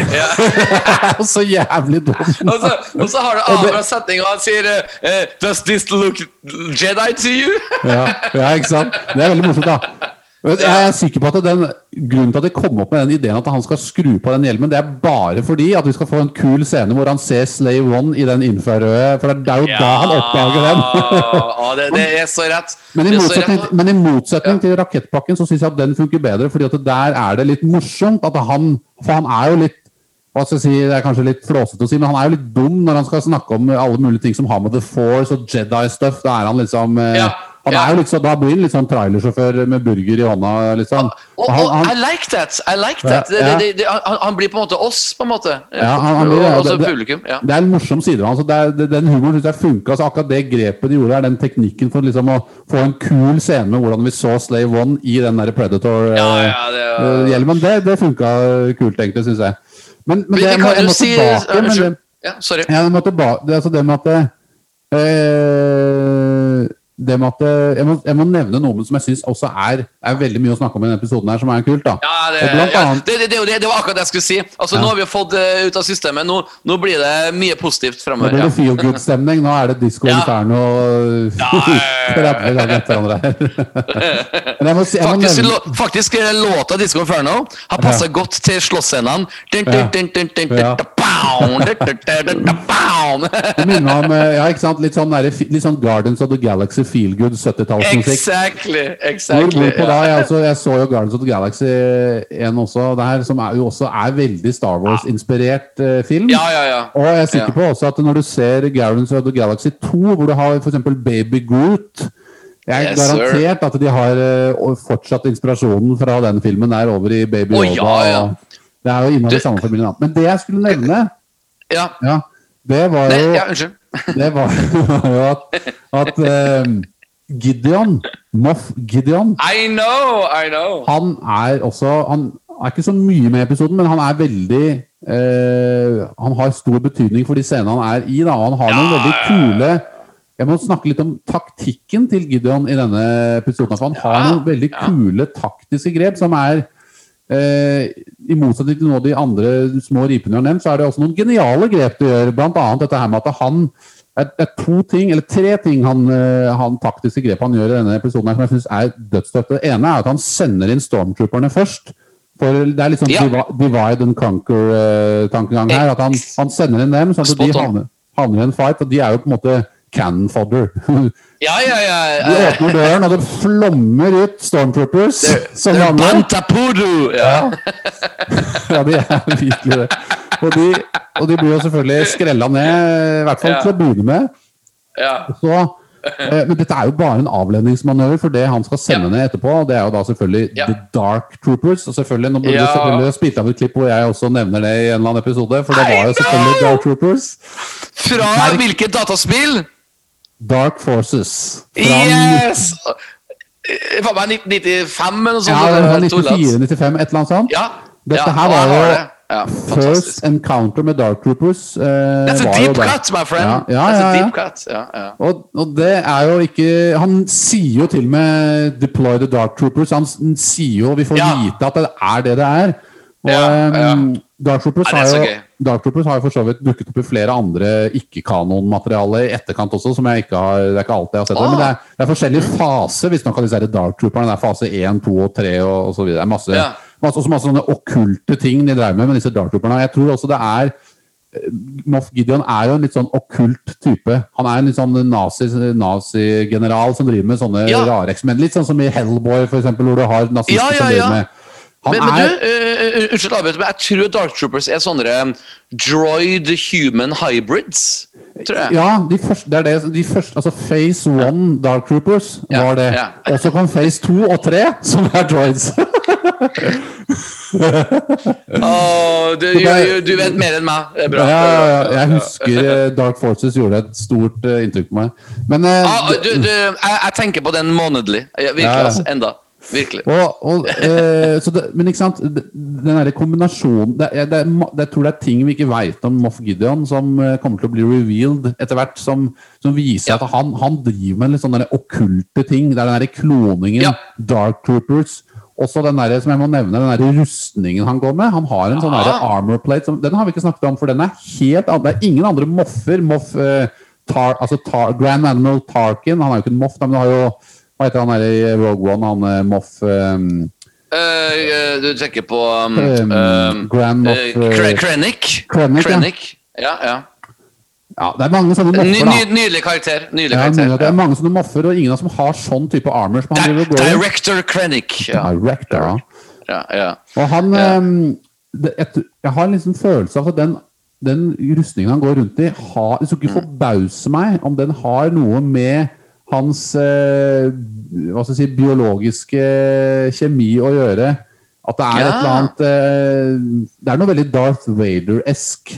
Ja, jeg, å, jeg skal akkurat si Nå må jeg bryte inn, for jeg skulle si at den siste scenen her, når han står med The Dark Saber i hånda, og han har på seg sin svarte eh, drakt med kappe så altså, jeg, Som jeg sa til meg sjøl, han er én hjelm unna å gå full Darth Vader, liksom. Og så begynte jeg å tenke litt på det her, og det, selvsagt er det rett av Dukas film å gjøre noe så likt, for they own the license. Altså, hadde et annet TV-program som ikke har vært uh, Star Wars-relatert, begynt Ja. med en svart karakter med svart lyssverd, og, og så har vi tenkt hei, det her er Josh. George, George Lucas is gonna sue somebody, liksom, eller Disney da, i tilfelle her.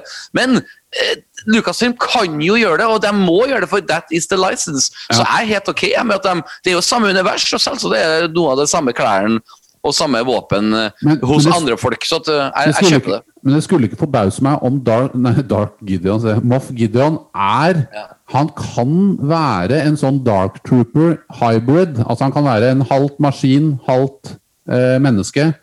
Som, de har, som, har blitt, som har vært en slags sånn forsøkskanin for, for mange mange, mange, mange år siden.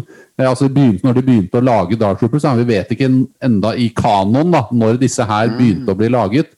I, i sånn, nå- i sånn ikke-kanonmateriale så var jo Stormtroopers Nei, Dark Troopers skulle ta over for Stormtroopers på sikt. Ja. Dette ble jo alle av, men, men eh, det kan hende at han Moff Gideon er en slags sånn maskin- og menneskehybrid.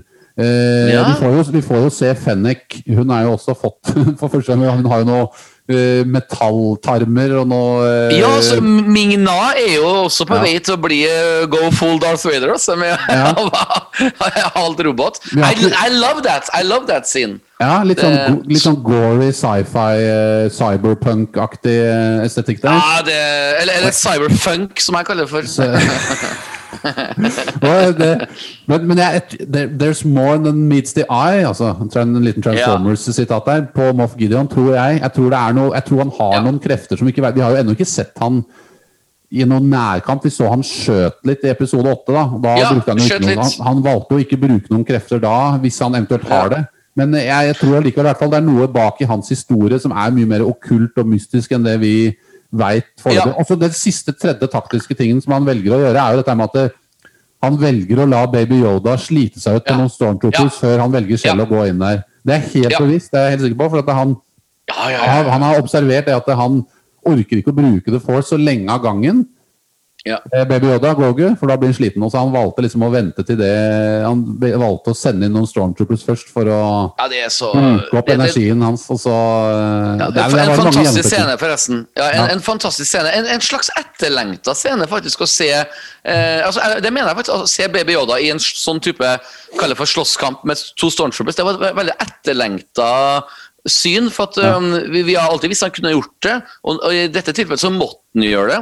Og så må jeg også si da, altså med Moff Gideon at uh, han skuespilleren, som for øvrig også var med i Breaking Bad, han er jo en sånn latterlig bra skuespiller, for i Breaking Bad så spiller han to forskjellige Um, han er litt sånn uh, bipolar, kan du si. Han er sånn en normal, høflig mann som jobber på en sånn en fastfood-restaurant på dagtid. Og så er han the, the ultimate bad drug dealer med stenansikt på kveldstid. Du, du skjønner hva jeg mener? Ja. Og jeg føler at eh, også Moff Gideon kan også vise for det sier jeg, for Du ser jo til og med at han smiler i episoden her, og, Ja. og det fungerer. Det er så veldig sjelden at onde mennesker i film uh, klarer å få til det. Nå smiler jeg, og så ler man. Og jeg bare Oh gud, that is so 1982, liksom. Men uh, Moff Gideon får det til, for han han har mer sånn fascinasjonssmil over hva han ser. Yes, yes, eh, be, be angry, liksom. Du skjønner, Det er noe keiseraktig over det.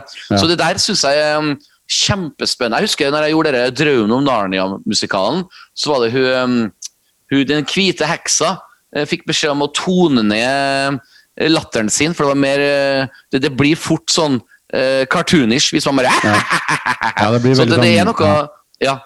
Marie Maurstad, forresten. Ja. Det blir veldig fort 'jeg er ond bare fordi jeg er ond'-latter. Ja, ja, ja. Og der, der, der føler jeg at Moff Gideon er en, en spennende karakter som jeg håper blir med i mange sesonger framover. For at eh, det er så bra casting, og det er så bra karakter, og det er mystisk. Ja. Eh, Jeg er veldig spent på om han kommer til å Jeg tror jo han eh, kommer til å fortsette som å være the big bad innen sesong tre òg, men jeg er ikke helt sikker på det heller. For det er en veldig sånn som du sier, en sånn Avengers Assemble eh, Nå kommer vi vet Ja. at Boba Fett kommer, Bill Burr eller Mayfield. Da, Bill kommer. Burr kommer garantert, ja. ja. Eh, Fennec blir jo med, Mando, og så kommer jo selvfølgelig Ka- Kanskje, kanskje sheriffen kommer òg? Ja, jeg tror eh, Jeg leste i dag at hun kanskje får sin egen spin-off-serie, Petter. Det, er, det gleder du deg til? Hvem, hvem sa du? Cara Dune, sheriffen ah, Du tenker på Cobb Vanth, du, ja? Ja, jeg tenker på Van. Ja, ja. Nei, er det sant? Så Cara Dune får sin egen spin-off? Er det Ja, bare rykter om det? Ja, det så et rykte om det, men det, det, det, det, Men du, men du, siden du nevnte hun da, Nå skal jeg være skikkelig barnslig og usaklig, men likevel eh, ekte, da. Mot deg. Og det er at når, I de ti sekundene hun var med i episoden her, altså. Cara Dune, ja. så dessverre tenkte jeg Åh, hun kjerringa der, altså.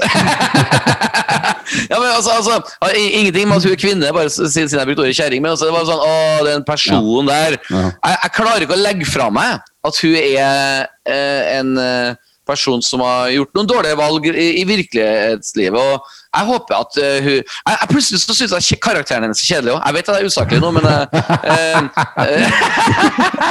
Men det, it, it affects me in a bad Ja. way. Og I need to say to you, for hun var med altså i ti sekunder i episoden her, og det var ti sekunder for mye. ja. Du ser jo, men for å redeeme henne litt også hun, hun, du ser jo Ja. når, han, når han sier at Når Mano sier. 'they have the child', så ser du på henne at Ja. Hun, eh, at, moral, at hun, har, hun har et moralsk kompass som, eh, og hun har noen følelser for baby Yoda. Hun, også. Det er noen Bare skuespill. Det er det jo. Hun klarte å skjule sine right wing uh, evil yeah. feelings der. Eh, Exactly! She doesn't like her little green friend. Nei, nei, ja. Nei, Nei, men, Det, det, eh, det ble for øvrig bare nevnt én gang i Star Wars at Yoda er grønn. Du vet det? Ja, det er det noe- altså, I Re- Re- Revenge of the Sith så plutselig blir det referert My little green friend. Bare, wow! Det blir nevnt, liksom. Ja. Så, og, og, og ordet space blir kun brukt um, av Natalie Portman i Phantom Menace. Space is cold. Så det er Ja, sånn artig. Det er sånn um, uh, det, Ja, og sand. Sanders Sand blir dessverre brukt eh, mye, ja. Men du, altså, du var også litt innom eh, Ming-Na. Altså, apropos det med redeem. Det var faktisk eh, et lite outcry i, i fjor når hun døde så fort. For det er tydeligvis hun er en veldig godt likt skuespiller fra Agent of Shield og masse andre roller. Og folk følte det var en waste å la henne dø så tidlig. Og um, det kan jo hende at um, Lucasfilm har hørt på det, selv om jeg personlig tror at det var planlagt uh, Ja, hele veien at hun skulle komme tilbake, siden du Ja. ser Boba Fett gå Ja, ja, deg i episode fem der. Ja. klart. Så, men, men det var godt å se henne tilbake. Jeg syns hun er flink til å ta plass når hun skal ta plass, og så er en del av ensemblet og ikke hun skal ta plass. Og jeg tror at hun, Mina-karakteren altså, eh, blir et frisk friskt pust i de neste to eh, episodene, for hun, hun er garantert med. Nei, det er kult, men altså Bounty Hunters er, så, er, er en så kul greie i Star Wars-universet. så Jeg synes det er så kult Ja. å bli kjent med nye sånne Bounty Hunters. Vi har mange andre som vi kjenner. Bosk, Dengar, Boba Fett, Ja. RG88, RG11 og Man. Altså, Ja. Det er så mange kule, og det finnes jo selvfølgelig mange flere enn det vi vet om. Så det er veldig gøy å bli kjent med nye karakterer, og det er veldig gøy at hun da er i tospannen med, med Boba Fett. En, en veldig kjent karakter. Og dette her forsterker jo Ja. litt episode fem fra sesong én. jeg vil ikke si at det redeemer episode fem for meg, men den, den gjør den Nei! den gjør den bitte, bitte, bitte, bitte, bitte litt bedre. Men på en, men på en annen side så kan jeg også si det at episode fem eksisterte ba, kun som en fyllmasse bare for å, Ja, eh, bare for å etablere Fennec og for å introdusere en tease på Boba Fett. Det var ikke noe annet som betydde noe i den episoden der. Nei, nei. Det er, eh, det er for- foreløpig den svakeste episoden. Men, eh, Ja, det men kan- du, jeg- jeg kan- men det, jeg- jeg er veldig, det er veldig bra. Det er veldig gøy å se når de, når de refererer bak de, de bruker ting fra andre episoder og kobler det sammen med Ja. nye episoder. Og det, det Love it, på en love it. elegant måte denne episoden her, det er jo liten tvil om. Så Ja, og, og det er én ting jeg la merke til som kanskje ikke du la merke til. Og eh, for all del, altså, det, det er veldig kult hvis du har lagt merke til Men vi snakker veldig mye om eh, redeem characters.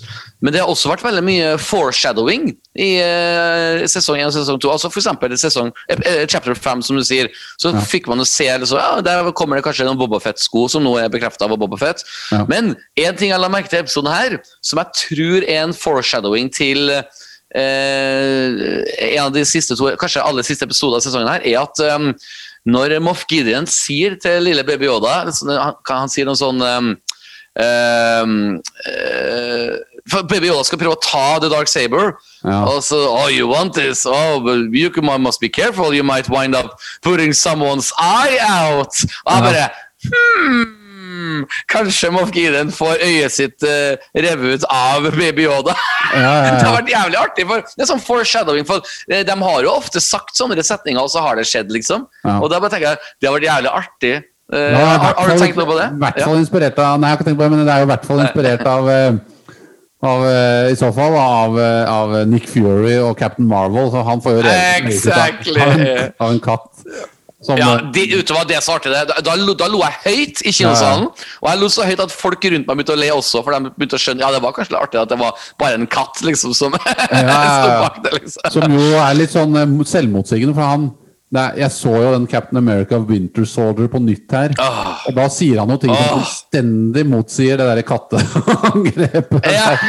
Nei, det stemmer ikke i det hele tatt, så det er litt sånn blooper i kontinuiteten der. Ja. Men um, Du, jeg, jeg må bare, altså det, det er jo så mye å prate om i episoden, men jeg må bare få frem en sånn essensen da, av Star Wars, som jeg har nevnt til deg mange ganger tidligere i denne podkasten. Det er jo at de får til altså det, eller, jeg, jeg, vet, jeg vet ikke engang hvem de er, men Star Wars får til. altså uh, Uansett om det er prequels eller sequels eller original trilogy eller i dette tilfellet TV-serie. Star Wars har en sånn en unik um, uh, talent, altså en unik kvalitet til å blande humor og action på en sånn en Ja, altså Marvel har fått det til, da. Eh, Det må jo sies. Men jeg tenker spesielt på det når uh, lille baby Yoda får på seg sånne små uh, handcuffs, altså shackle him, og så Ja, ligger han der med noen bitte, bitte små oh. håndjern. Og jeg sitter her sånn og jeg, Først sier jeg ååå, og så begynner jeg å le. Og så begynner jeg å tenke på kontrasten av det som skjedde et minutt tidligere med action. Og det er unikt, altså. å klare- altså det, det, det, det her er jo essensen av hva jeg har lyst til å få til med min musikk. Og helt sikkert i din musikk også, vil jeg tro. Det å få en, en musikk som blir tatt seriøst, og her er funky, her er kult. Men det også er noe glimt i øyet og humor, og at man våger liksom å gå litt ut av komfortsonen sin. Altså, litt sånn som David Bowie holdt på sin tid, og så klart Prince også. Ha litt humor i det.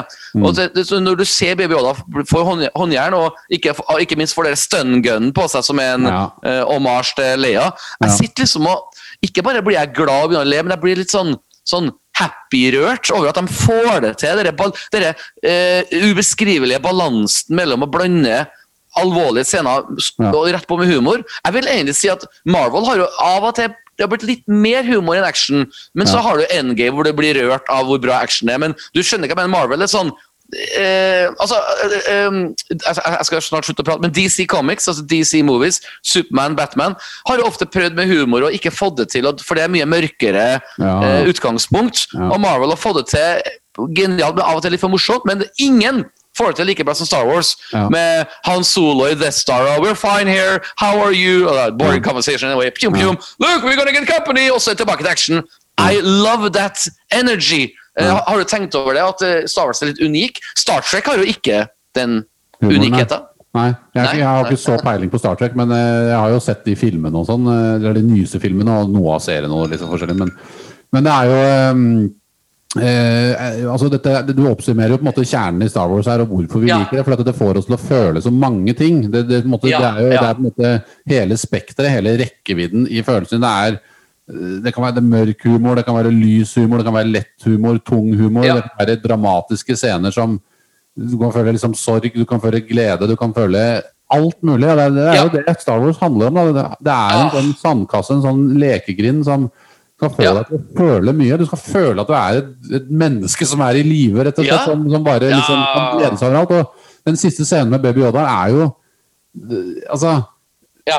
den er jo veldig It's fucking perfect! ja, den er veldig bra. For den er på en måte både søt og tragisk på samme tid. Det er jo kjempetrist Ja. å se dette uskyldige barnet ligge der i Ja. sånne handcuffs. Ja. ja. sånne handcuffs har vi jo sett før i Clone Wars og i masse steder. Altså, det er jo også en detalj som de, de, de fortsetter å uh, bruke ting som har uh, eksistert tidligere, eller som jeg har sett i andre material, annet materiale før, da, og putte Ja. det inn her. Så de følger liksom De er veldig tro mot universet og all, alt ting de har gjort før, da, sånn at ting skal være Ja. riktig. Men den den scenen er virkelig den, den var ganske slående. Den var liksom ganske tøff å se. Han ligger der helt Ja. alene med de derre Ja, det- Og du føler jo virkelig at det, og det er også, Men det gjorde også det med at Mando ikke har den der reaksjonen. Det var, liksom, så det var så dumt at han ikke hadde det. Ja. jeg. «Åh, Ja, det, er liksom, ja, ja. det er så logisk at de måtte hatt det med. Det, er så, det, det, det sier Ja, det- selv. Så, Jeg, jeg, jeg er litt i sjokk over at det, det ikke er med. Ja. ja, ja. Men ehm, Det blir altså- vanskelig å forklare den. Ja. Nei, vi får, vi får, vi får, første gang vi får se liksom Grogu ordentlig frustrert når han tar disse her stormtrooperne. Du ser jo på han hvor frustrert han er. Han er et lite barn som ikke aner hva han er med på. på en måte. Og jeg lurer på om kanskje han også føler litt at han har vært da i hendene til imperiet før. da. Eller Moff Gideon Ja. eller Dr. Pershing. Og at Ja. han får litt sånn flashbacks, og han våkner litt Yes. li- altså, tra Det er traumer på en måte som, som øh, blomstrer opp. Eh, Ja, det- gjør at han altså- øh, gjør alt det der. Altså, altså, jeg, altså, nå skal, babler jeg ved det her, men jeg skal prøve å fatte meg kortet nok en gang. Men det er vel chapter tre hvor han Mando leverer, ikke sant uh, uh, Baby Yoda uh, til Frog Lady. Nei, jeg, jeg mener i sesong én. Uh, ja, ja, ja. Chapter tre, altså tredje episode. Det, det er da liksom Mando kjenner på at det var feil å levere den til. The Empire. Og han, han, blir, han blir skjøvet ut i et annet rom, og du hører bare Baby Yoda sier liksom. Ja. Og det var så sterkt, og du ser når han da går tilbake i Racercraft og ombestemmer seg. Altså, det, det, det er jo en magisk episode. Ja. Og, og, og jeg føler at uh, essensen allerede der da, av Mando, hvor han da føler seg, uten å vise uttrykk, merke ord eller mannsuttrykk, at han vil hjelpe eh, Grogu allerede i episode tre liksom, i sesong én, Ja. så burde det hatt en større effekt nå. Men uh, det, blir, det blir vanskelig å, med, å redeeme akkurat den reaksjonen der. Han- må nesten be om unnskyldning for at han ikke reagerte. Man, Mando comes out. Ja, ja, ja, ja. Det er jo ikke intervju med Pedro Pascal, det er faktisk intervju, et, et, eh, et intervju Ja. med The Mandalorian, på en måte. Et Ja, fiktivt ja, intervju ja, med ja. En sånn mockumentary. Men ja. eh, Du! Ja, unnskyld. Fortsett. Nei, Ja, det, det, det, det, er den største ripen i lakken. Jeg tror vi kan konkludere med det at det er den største ripen i lakka, lakten. Mm. Ja. Eh, nei, lakten i drakten. lak. I lakken! ja, i, in, the, in the Beskar steel. Ja. In the best car steel. Som vi også Det tåler jo vi, vi har jo ikke nevnt ennå eh, Gideons taktikker også. Jeg må jo nevne også at han, eh, han smadrer jo skipet til Mando. Han mister jo skipet sitt Ah. Og en Oh, dramatisk what- scene. What are the toy company gonna do? Ja, ikke sant? Han, eh, men han finner jo tilbake Vi, får jo, vi ser jo igjen at Beskar tåler sinnssykt mye. Den, han finner det spydet sitt eh, ligger i asken der. Yes, så han, han, han graver fram det spydet, så det spydet tror jeg kommer, han kommer til å bruke sikkert. eh, Muligens vi får en, en duell mellom Mando og, Ja. og Moff Gideon med spydet og The Dark Saber. Og- det. Og, og ikke bare det, Knut Løksen. For at nå, nå, har vi, nå har vi kommet til en avdeling av vår podkast som vi kan kalle for predictions. Altså ting vi tror kommer til å skje Ja. i de neste to episodene. Ja. Og jeg tror jo så klart at um, ikke bare ble, blir det, det, det våpenet brukt av Mando, men jeg tror, Hold deg fast Og her, her blir sånn eh, reveal. altså så nå, I neste podkast må du liksom vise opptak av den praten her, for at ja. jeg tror jeg har rett. Når Mando skal slåss mot Moff Gideon i neste episode, eller da eh, siste episode, Ja. så kommer han til å bruke The Beskar Steel, så klart. Men han kommer til å gjøre det uten sin hjelm. Og vet du hvorfor? Fordi Pedro Pascal i Game of Thrones brukte ofte et sånt våpen å slåss med, så han kan masse triks. Så da kan han gjøre sine egne stunt med sitt eget fjes. Mm. Ah, men hva, hva tror du er grunnen til at han tar av hjelmen da i serien? Hva, hva, hva er grunnen til at han velger å kunne, at han kan gjøre det? Og det er jo fordi at han eh, hands behind his back, de tar av hjelmen ufrivillig, stikker av med hjelmen, og så må han slåss liksom med Moff Gideon uten hjelmen. Jeg lover deg, det kommer til å skje, jeg kan ikke love deg, men jeg har en veldig sterk følelse på at, Ja. eh, for jeg, Altså- jeg husker for Game of Thrones, og han er en rå kampsportmann Ja. eh, uten hjelm. Pedro Ja. Han, han er eh, Altså, jeg har jo spådd Jeg har tenkt masse på det at det, det kommer til å skje at han kommer til å måtte ta av seg hjelmen. Eller Ja. være uten hjelm på et eller annet tidspunkt i denne sesongen, eller om det er neste Ja, sesong. da, da, da hint, Bo Katan har hinta til det jo, liksom. At Så det, det, det kommer til å skje. Det, det er jeg helt sikker på. Ja. Så jeg har bare ikke tenkt på akkurat den måten det kan skje på. Ah, sier- det- it's, it's, it, this is the way! Ja, this is the way. Jeg tror du sa noe der som eh, kan være veldig eh, logisk kan komme til å skje, altså. Ja, ja, ja. eh, De, de kan det er jo fortsatt to episoder igjen. Mano kan bli tatt til fange, han også, så må de andre komme og redde han eventuelt. Han må bryte seg ut det blir av siste episode her, vet du. Ja, det blir Han det. må bryte seg ut av den, og vi fikk jo se han uten hjelm i første sesong, så det på en måte rimer jo litt, da. Hvis han, eh, Ja. hvis han må ta av seg hjelmen i slutten av denne sesongen også. Å ja, ja, han må det. Altså, det, det, en, en, han er jo såpass kjent skuespiller nå som har hovedroller i filmer på Ja. Netflix og alt, så han må få vise sitt fjes. En annen prediction jeg har, da, det er at jeg har plutselig skjønt, eh, etter å ha googla litt, altså klart, du vet, på forum og YouTube og sånne ting, Ja. for det er jo mye spekulasjoner om uh, Thrawn Ja. kommer til å dukke opp. Jeg er herved 100% sikker på at Thrawn kommer til å dukke opp i siste episode. Ja. Og jeg tror også jeg vet hvem som kommer til å spille den. Og vet du hvem jeg tror det er? Hold deg fast. Ja, Lars Lars Mikkelsen. Broren til Mats Mikkelsen. Og vet du Ah. hvorfor? Det er fordi at han er allerede en meget dyktig skuespiller, så klart, Samme som sin bror. Og det er han som er stemmen til Throne i Star Wars Rebels! Og Ja, det er jo sånn de fikk i Bo Katan Ja. til samme skuespiller dukke opp. Ja. Da, hvorfor ikke da gjøre det med Lars Mikkelsen? Han, han, han ser jo til og med ut som Throne i virkeligheten!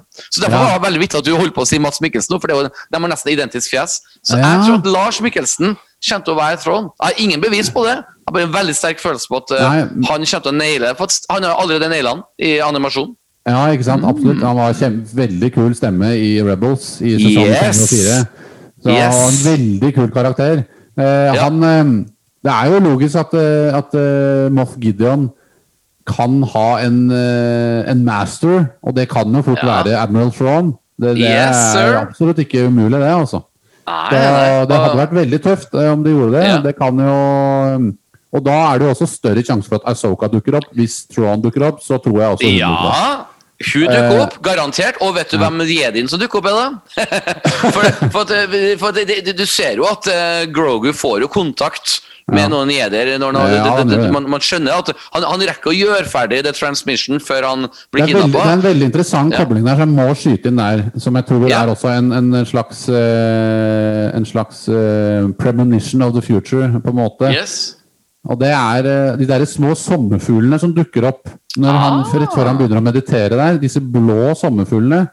Det er Ja. visst et sånn light side-tegn, altså en tegn på at den lyse siden eh, påkaller eh, Grogu, eller er til stede i den eh, den, og den duk, dukker opp i, en, en, en eh, tegneserie som eh, Darth Vader dukker opp i, hvor han som også er kanon, da, hvor Darth Oi. Vader mediterer på Mustafar, så dukker det opp noen sånne blå sommerfugler som da, Wow.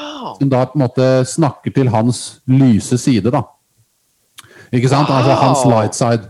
Og da er det jo Ja. veldig logisk å tenke at Luke Skywalker er eh, Kan ha kommunisert med Baby Yoda på den steinen. Også fordi at Luke På dette tidspunktet så er for så vidt ikke Luke etablert på den derre Ach-2. Ach, Nei, nei, han er ikke det. Han er ikke Han er det. ikke det, men han kan fort ha vært der. For vi vet at han lette etter disse templene etter Return of the Jedi. Og, og, Korrekt. Han, og han kan ha oppdaget alle så langt. Og Ach-2 har jo sånne Jeg er sikker på at alle de andre templene har disse der samme steinene å sitte på. Mm. Sånn som han gjør i The Last Jedi. Han sitter på den der steinen sin ikke sant? Mm-hmm. og, og, og sender sånn hologram. Han kan til og med ha lært seg å sende sånn der hologram eh, Ja. som han gjør i The Last Jedi Ja. eh, til eh, Uten at vi ser det, da. Det kan jo skje mens de driver og fighter der. Men, men eh, Så det er mulig at det er han han kommuniserer med. Det er ikke så mange andre å velge mellom heller, da. Så det er jo Ja, jeg, jeg har tenka det eh, litt, Ja. og um, eh, jeg, jeg tror ikke du kommer til å like min eh, teori. Og det at jeg tror det ikke er Luke, altså det er Nei. ikke Mark Hamill. Jeg tror heller ikke det er en annen skuespiller som spiller Luke. Jeg tror heller ikke at det er Samuel L. Jackson som er i Windu. Jeg tror rett og slett at det er Ezra Bridger. Ja. Fordi da har du Throne-linken, for Ja. han har forsvant jo sammen med Throne, og um, ikke minst Asuka Tano-linken mellom Ezra Bridger. Mm. Og det er noe med at den ti, ti, tidsperioden som dette foregår i For Ezra Bridger er heller ikke en sånn ekte Jedi, liksom, på en måte, på papiret. Litt antiklimaks, så klart, hvis det er Ezra, men er det det som er det mest logiske hvis man skal for kopiere For de, Korrekt. for de som har sett animasjonen, så er jo det selvfølgelig veldig Ja. kult. ja. Det er bare det at det, det er veldig mye som sammenfaller med Luke Skywalker i forhold til det med at han var veldig mye ute på leting. er. Ja, ja. Altså, han var veldig mye på leting etter disse templene. og har vært, Han har jo ganske Ja. sikkert vært på Titan. Han har vært på Achto, han har Ja, vært på disse andre templene som eh, Det er vel tre, tror jeg, eller noe sånt, av disse originale Jedi-templene. ja. Eh, og det- det betyr jo at eh, det sammenfaller veldig med, med, med hans hva skal jeg si, eh, mission som Luke er på på dette tidspunktet. Han har jo ikke begynt å trene opp Ben Solo, f.eks. Det er jo for tidlig ennå. ikke sant? Altfor tidlig. Alt for tidlig. Han er- han er kanskje ikke laga ennå. Ja. Nei, han er, tror, jeg er litt usikker. Han er muligens kanskje akkurat født, eller noe, sånt, men jeg er litt, Ja, litt usikker. ja. Men Luke er jo Han har heller ikke begynt å trene opp en ny orden med Jedis Nei. heller. ikke sant? Han har, han har jo ikke begynt med, så han kan være på utkikk etter potensielle elever. Ja, Og ja. han kan eh, Der kom det en liten Jedi. Det og han, og han, eh, han eh, eh, Så det sammenfaller veldig med det han driver med på dette tidspunktet i tidslinjen. Ikke sant? ja. Det, det, det gjør det. Og, det, det, er, så det, er en veldig log, det er en veldig logikk i det. Det er en veldig naturlig kobling du kan få der. Og Ezra Bridger, han han er jo Jeg kan jo godt hende han har blitt mer mektig nå i løpet av disse årene her, da. Ja, ja, det, det har jo gått en del år, Det faktisk. Men han er jo Han må jo være nærmere 30 nå.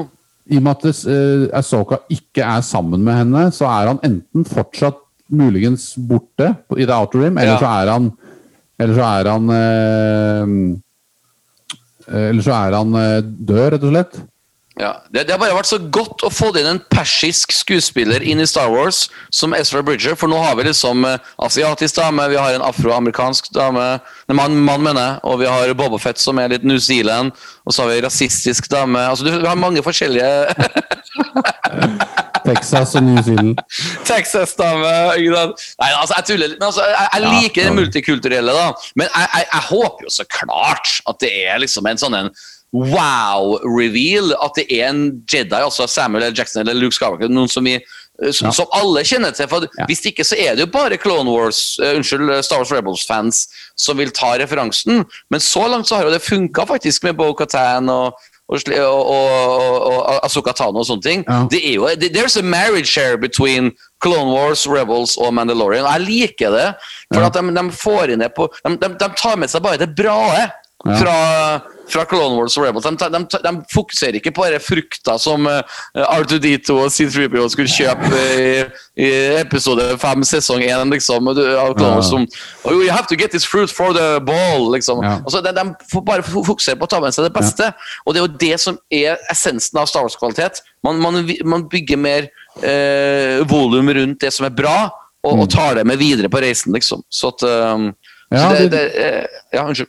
Ja, de tar tak i de, så tar de tak i de elementene som er av, de karakterene fra animasjonsserien som du dytter inn i denne serien her. Så tar de Ja. tak i de, de, de introduserer dem på naturlige måter. og ikke, Hvis de hadde liksom tatt tak i ting som da har skjedd i Clone Wars, som de, ingen andre ting aner noe om, og lar det på en måte være grunnen til at de dukker opp. Ikke sant? Så Hvis du skjønner, Det er kanskje litt sånn Mm. Vagt eksempel, det er ikke noe eksempel, men det er litt vagt å si det på den måten. Men eh, da ville på en måte publikum blitt bare veldig forvirra, de som ikke hadde sett animasjonsserien. De kan fort ende opp i en situasjon hvor det bare ville blitt forvirring. Så Ja. det, er, det er absolutt mulig at Ezra Bridger eh, Så de må gjøre det samme eventuelt med han, da. Men de Ja. har allerede etablert Asoka Tano, da, så det er jo det kan jo hende, Ja. at de, ja, det kan hende at de velger å gå med en litt mer kjent karakter da, i, for, i form av Luke. Skywalker. Men, eh, Men eh, jeg heller på en måte litt Ja. mer mot Altså, Logikken min sier at det er Luke Skywalker, men sånn rent Ja. produksjonsmessig og hva de har gjort til nå, i forhold til hvordan de har koblet seg sammen med Clone Wars og Rebels og Dave Filonis univers, så er det Asa Mm. Bridger det peker mot. Eller det kan selvfølgelig også være en karakter vi ikke vet om, eller det kan også være Eh, Queenland Voss, liksom. Ja, jeg skjønner Ja. hva du mener. Ja. eller det kan være han derre Cal Kestis fra um, Jedi Ja. Fallen Order, det der dataspillet. Ja, ja, å ja! Som for øvrig en veldig bra skuespiller. Han var også Ja. med i Gotham, så han spilte The Joker. Ja. Eller en Ja, The er Joker-ish karakter. Ja. Ja. Ja, ja. Og det var jo kjempebra! Jeg husker når jeg så den Joker-tolkningen hans, jeg bare sa til dama mi Oh my god, det her er en framtidig stor skuespiller. Så jeg. Derfor ble jeg så glad at han ble kasta i den Star Wars-spillet. Men Ja. du, jeg har en liten sånn en pinlig innrømmelse å si, og jeg, jeg klarer kanskje ikke å forklare det så bra, så jeg skal bare si rett ut at The Rise of Skywalker Filmen var jo en rar eh, kinoopplevelse, men det var én scene som traff meg eh, overraskende sterkt. Nærmest så mye at jeg ble bitte litt rørt. Ikke tårer, men du vet sånn frysning over over hele kroppen. Og det var kanskje den rareste scenen av alle, og det var rett og slett en scene hvor du ser Luke og Leia trene til å bli Jedi med sånn de-age-fjes, ikke sant? Og den, den scenen varer kanskje i 15 sekunder i Rise of Skywalker, men den scenen var sånn å, gud, for et savn! Liksom. Jeg, jeg fikk sånn en Å, hvorfor laga de ikke flere Star Wars-filmer etter 1983? Du vet sånn, Hvorfor begynte de ikke med flere filmer fem år senere, og Ja. med Luke og Leia? Og, jeg, jeg fikk en sånn onkel sånn de-age-teknikk-kjærlighet. da. Altså, du Ja. vet, Man gjør det med Michael Douglas i Ant-Man, og sånne ting, og det fungerer jo. Ja. Og så fikk jeg sånn følelse av at wow! Det her vil jeg se mer av. altså Det var som en godteri-candy store. liksom. Ja. Og, så det, det som virkelig vil gjøre meg til å bli rørt neste uke, eller fredagen etter der, er jo at de gjør som du sier, altså de tar med Luke Skavaker, altså Mark Hamill, de-age him, så at han ser ut som han er fem år eldre enn Return of Jedi. Da kommer jeg til å grine av glede. Ja, det er Jeg gjør det, altså. Ja. De kan, de kan gjøre det. Altså, hvis, hvis, for det er sånn De-aging og datateknologi det er klart at, og dataanimasjon det, kost, det koster jo mye penger og, og Ja, tid og ressurser. Men hvis du Ja. har ikke sant, Du kan ha en stuntdouble, filme en del bakfra Yes, noen yes. Og så kan du f.eks. ha Hvis du har litt sånn mørke settinger hvor du ikke For du ser i Rise of Skywalker så var det ganske mørkt. Ikke sant? Ja, er, jo mørkere det er, jo mindre, jo mindre synlig blir det at det er dataanimasjon. Eh, Ja. Du kan ha også da litt sånne mørke scener hvor du da ikke har muligens de samme kravene, eller du, du ser ikke så lett at det er datamaskin, derfor så vil det være litt enklere Ja. å få det til kanskje også. Så kan du. Ja. Men hvis du skulle, hvis du skulle gjort f.eks. to fulle episoder hvor Luke Skywalker ha, han har liksom uh, screentime på 30 minutter til sammen, da snakker vi at det blir Og det er masse scener i dagslys hvor de står og snakker sammen, og Ja, ja, ja, masse nærbilder av ansiktet. Da snakker vi om veldig tidkrevende Ja. og økonomisk Ja. tunge Men jeg, Jeg tenker som toppen er ett minutt, altså. Jeg tenker Ja. som toppen ett minutt med Luke reveal, de-age, si noen kloke ting, uh, løft hele episoden, og så Ja. gå videre, liksom. Ja. Ja. Han, han, det, det kan skje, altså. Han kan jo til og med han kan, Eller han kan dukke opp i et hologram, f.eks., eller et eller annet sånt noe. Det kan også skje, Men jeg Ja. håper jo selvfølgelig at han dukker opp fysisk til stede. da. Det hadde jo vært uh, tøft. Ah, ja, det er du gal. En, en annen prediction jeg har, da, og det her er ikke gøy, men eh, tøff, og det er Ja. jo det at uh, i siste episode så blir ikke Grogu redda. Han Nei. overlever så klart, men han blir fortsatt fanget. Litt, vet, litt sånn à la The Empire Strikes Back-filmen avslutter, ikke sant? Med at han solo er fortsatt frozen in carbonite, og shit, vi må gå videre. Det har vært litt artig, faktisk, hvis de har våga å avslutte on a down note. Ja, ja det, det, det, kan, det kan absolutt skje, det også. Det er Ja. eh, litt sånne dramatiske slutter og sånn. Det, det gjør jo at man på en måte vil mer. Man bare må se det neste. Da gleder man seg til sesong tre. For Ja. Da må man jo se sesong tre. For, at, eh, Ja. for da, kommer sesong tre å starte med at en meget sint Mando er ute etter å finne sin, sin sønn, Grogu. Ja. Så, det, så det, er, er nesten en bit av meg håper det, bare for å skape en ekstra spenning rundt. For jeg tror faktisk de har allerede begynt å spille inn eh, sesong tre, om jeg ikke tar helt feil. Ja, Så- det, det, det er litt usikker på. faktisk. Jeg vet at de spiller inn Ja. Cassian Andor. Har de begynt å spille Ja. allerede? Den jeg begynte spiller- de i- i januar, ja. As we speak. Nei, de har begynt med det allerede. Nei, unnskyld, jeg, altså, sa feil. De har begynt allerede nå. Du har helt rett. Så- Ja, ja. altså, Mens ja. Obi-Wan Kenobi har blitt fremskyndet. De har begynt å filme, skal begynne å filme denne i januar istedenfor i mars. Ja. da. Så der er det klart at der har det begynt å rulle litt eh, fortere enn de tenkte. da. Men, men de skal gjøre det i Boston, så de skal ikke holde seg kun til dere the volume-sceneteknologien, tydeligvis, da, siden de skal spille inn litt i London, uh, Pinewood Studios, og litt i Boston. Så de holder seg unna LA, liksom. Det De må, de må ut av garasjen, rett og slett. Så det- Ja, de må ut av garasjen. Men du, tror du de var ute av garasjen nå i chapter 14, når de var uh, i det uh, Titan altså dere, Det så ikke ut som det var dataanimert når de var ute i ø, ø, Du vet altså, når Ja. ja. Sprengte og sånne ting. Det så ut som de, de var på et ordentlig fjell der, altså. Ja, det, det, det så veldig sånn ut. At det, Det gjorde altså, det si det var filma on location, det må det ha vært. Altså, det, det Garantert. Jeg tror nok kanskje at no, noe av den der tempelgreiene var kanskje var nok dataanimasjon som de har lagt på i landskapet der for Ja. å få det til å bli sånn som de ville. Ja. Som jo Så klart, så klart. Ja. Og det, er, det, det var en annen ting som var veldig tøft med episoden, var at alt, bortsett fra kanskje den første og den siste scenen, hvor vi har litt i romskipene, ja. hele scenen foregår, eller hele episoden foregår på ett sted. Yes! Du har yes. en sånn standoff, en sånn veldig komprimert episode, sånn, i hvert fall i forhold til sånn geografisk. da. Og det syns jeg funka veldig bra. Jeg synes det var veldig, ga episoden en sånn energi og intens. for Det var liksom lagt opp her at det var, skulle være veldig mye action på ett sted. Ja. Det, det gjorde at vi fikk Det var en veldig sånn veldig tydelig fokus på action, rett og slett. da. Og det var Ja. også ja. jeg, fikk, jeg fikk en veldig eh, callback til eh, den scenen med Titan når de Dark Trooperne kommer ned. Når Gideon sender ned de Dark Trooperne. Det var Ja. sinnssykt tøft. Måten han ja, liksom det var magisk. Ja. Måten, måten han tima det på. Ikke sant? Han sender ut stormtrooperne for å spre fienden. Ja. Og så sender han de ned, og så rekker han Og når de lander og liksom går innover mot Baby Grogu, da er det helt opplagt at de har sett hvilken film, Petter Aagaard? Um, Blade Runner? Nei. Nei. Det der er um, Jeg tror det må være en direkte inspirasjon fra ehm, Fra The Fellowship of the Ring når, ah! når de kommer til Mount Weathertop med Frodo, når de der Ah. ring, ringskrømtene kommer, sirkler seg sakte, men sikkert på toppen av den knausen, som ligner veldig på den her på Titan. ja. Eksakt samme liksom, mekanikk de bruker der.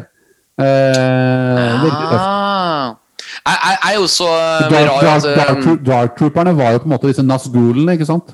Ja, ja, ja, ikke sant. Men du, når de flyr så fort nedover, og så når de endelig lander, da Hvorfor lander de så langt unna Grogu og går sånn mu museskritt bortover til den? Det er jo- det så klart et kunstnerisk uttrykk, men Det var for, det skulle, komisk. det var fordi det skulle se tøft ut, og, fordi det var inspirert Ja. av den Nazgul-scenen. Jeg, er- helt Eh, overbevist om det. For, for jeg skjønner, jeg er litt sånn artig, for jeg har aldri problemer med sånne ting. Eksempel i Rogue One, når eh, Admiral Krennic lander liksom eh, en kilometer unna eh, Mats Mikkelsen sitt, uh, sin bondegård. Det er jeg helt ok med, for det ser jævlig flott ut. Du skjønner hva jeg mener? Jeg liker sånne visuelle snacks, så sånne ting irriterer meg aldri. Men jeg, jeg husker jeg humra litt uh, når de begynte å gå sånn sakte mot Baby Yoda. Ja, ja, ja.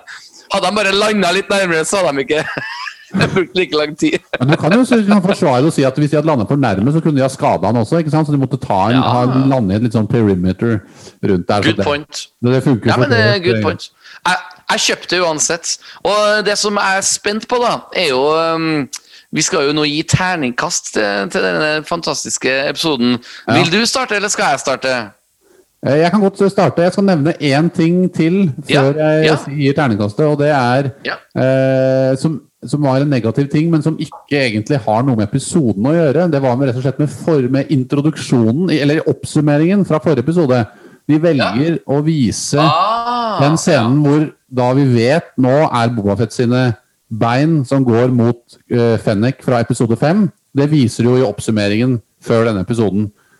Og Ja. det førte jo bare til at da skjønte jeg at nå kommer Bobafett til å dukke opp i denne episoden. Og det var litt dumt, for det hadde vært mye kulere om første gangen jeg så det, var når Slave One kom inn. Jeg syns det var litt klønete at de, de hadde jo ikke nødvendigvis trengt å vise det. Det har du helt rett i.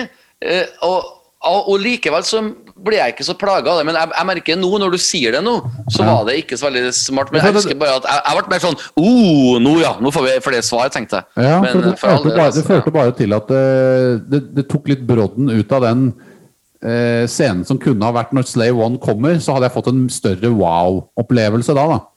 Så det var et lite, men det gjør jo ikke at episoden Det er ikke noe gærent med episoden i seg selv. Det er jo en, rett og slett en liten eh, dårlig taktisk eh, valg fra, syns jeg, da, fra Disney.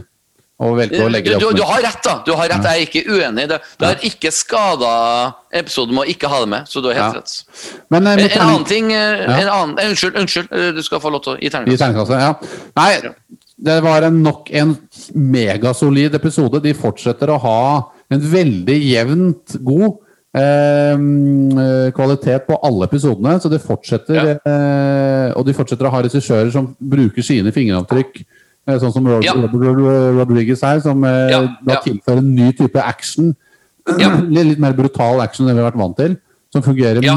bra. Ja, Eh, Det er, det er litt humor. Litt mindre humor kanskje enn i noen av de andre episodene, men det gjør ingenting. Så det var den humoren som var, den traff egentlig veldig Ja. Eh, mange kule reveals. Bobafett er helt rå i den episoden. Det er, det er en Ja. veldig bra Star Wars-episode. Noen riper i lakken, men for meg så er det en, det er en svidd krutt. Det er på, lignende, på nivå med episode 1, egentlig, eller chapter 9. Da. Det, er, det blir en svidd femmer. Ja, men det er flott, altså. Det, det, en, en krutt Hva for noe sa du? En kruttsvidd, det er ikke et ord, men En kruttsvidd, ja. Jeg hørte ikke S-en, skjønner du. Ja. Nei, altså, jeg kan si da at um, Og nå skal jeg bruke litt store ord, men absolutt alt jeg skulle ønska skulle være med i en Mandalorian-episode, Ja. eh, ble oppfylt for meg. Altså, tenker på story, spenning, Ja. originalitet, eh, framgang, eh, wow-øyeblikk, sjarm, humor, Hollywood-regissør. eh, Skikkelig rå, nostalgisk eh, sandkasse Star Wars for meg, det her altså. Og, og ja, og masse redeeming factors. Og det, det var liksom det, det, var, det var ikke en sånn en episode hvor du må bare gå hit, gjøre det der og gå tilbake til start igjen. liksom det, det her var min type Star Wars, og handlingsbrikkene har nå begynt å liksom bli satt sammen både fra sesong 1 og sesong 2. Og, og jeg vil gi det her altså en latterlig svak sekser. Ja. Jeg, skjønte at sekseren kom nå. Ja, men den, den fortjener det, altså. Jeg må også nevne at det, det er som du sier, som jeg glemte å si i stad, at de, de, de bryter litt mønsteret her fra de foregående episodene i forhold til det om at Yes! Mando kommer til et sted, må gjøre et. Finally! Og endelig Ja. er det en Og det var deilig. Ja.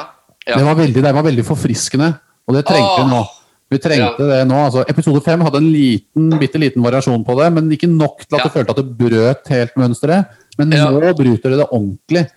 Så du Jeg, føler jeg, jeg, ja. jeg er veldig glad for du sier det, Knut, for at jeg har jo likt alle episodene så langt, men jeg har begynt å føle en sånn en um, scratch on my back, en kløe på ryggen, og jeg tenker faen, altså, Det er hver episode er jo som Du får en liten Ja. på at, det- alt, at mønsteret Ja. repeterer seg, og da blir du litt Ja. eh, Og akkurat som at Marvel-filmene må være litt forskjellige uttrykk. ikke Ja. sant? Det kan, noen kan være litt mer komedie, noen kan være litt mer Yes. brutal action, noen kan være litt mer spionaktige, thrilleraktige. Ja.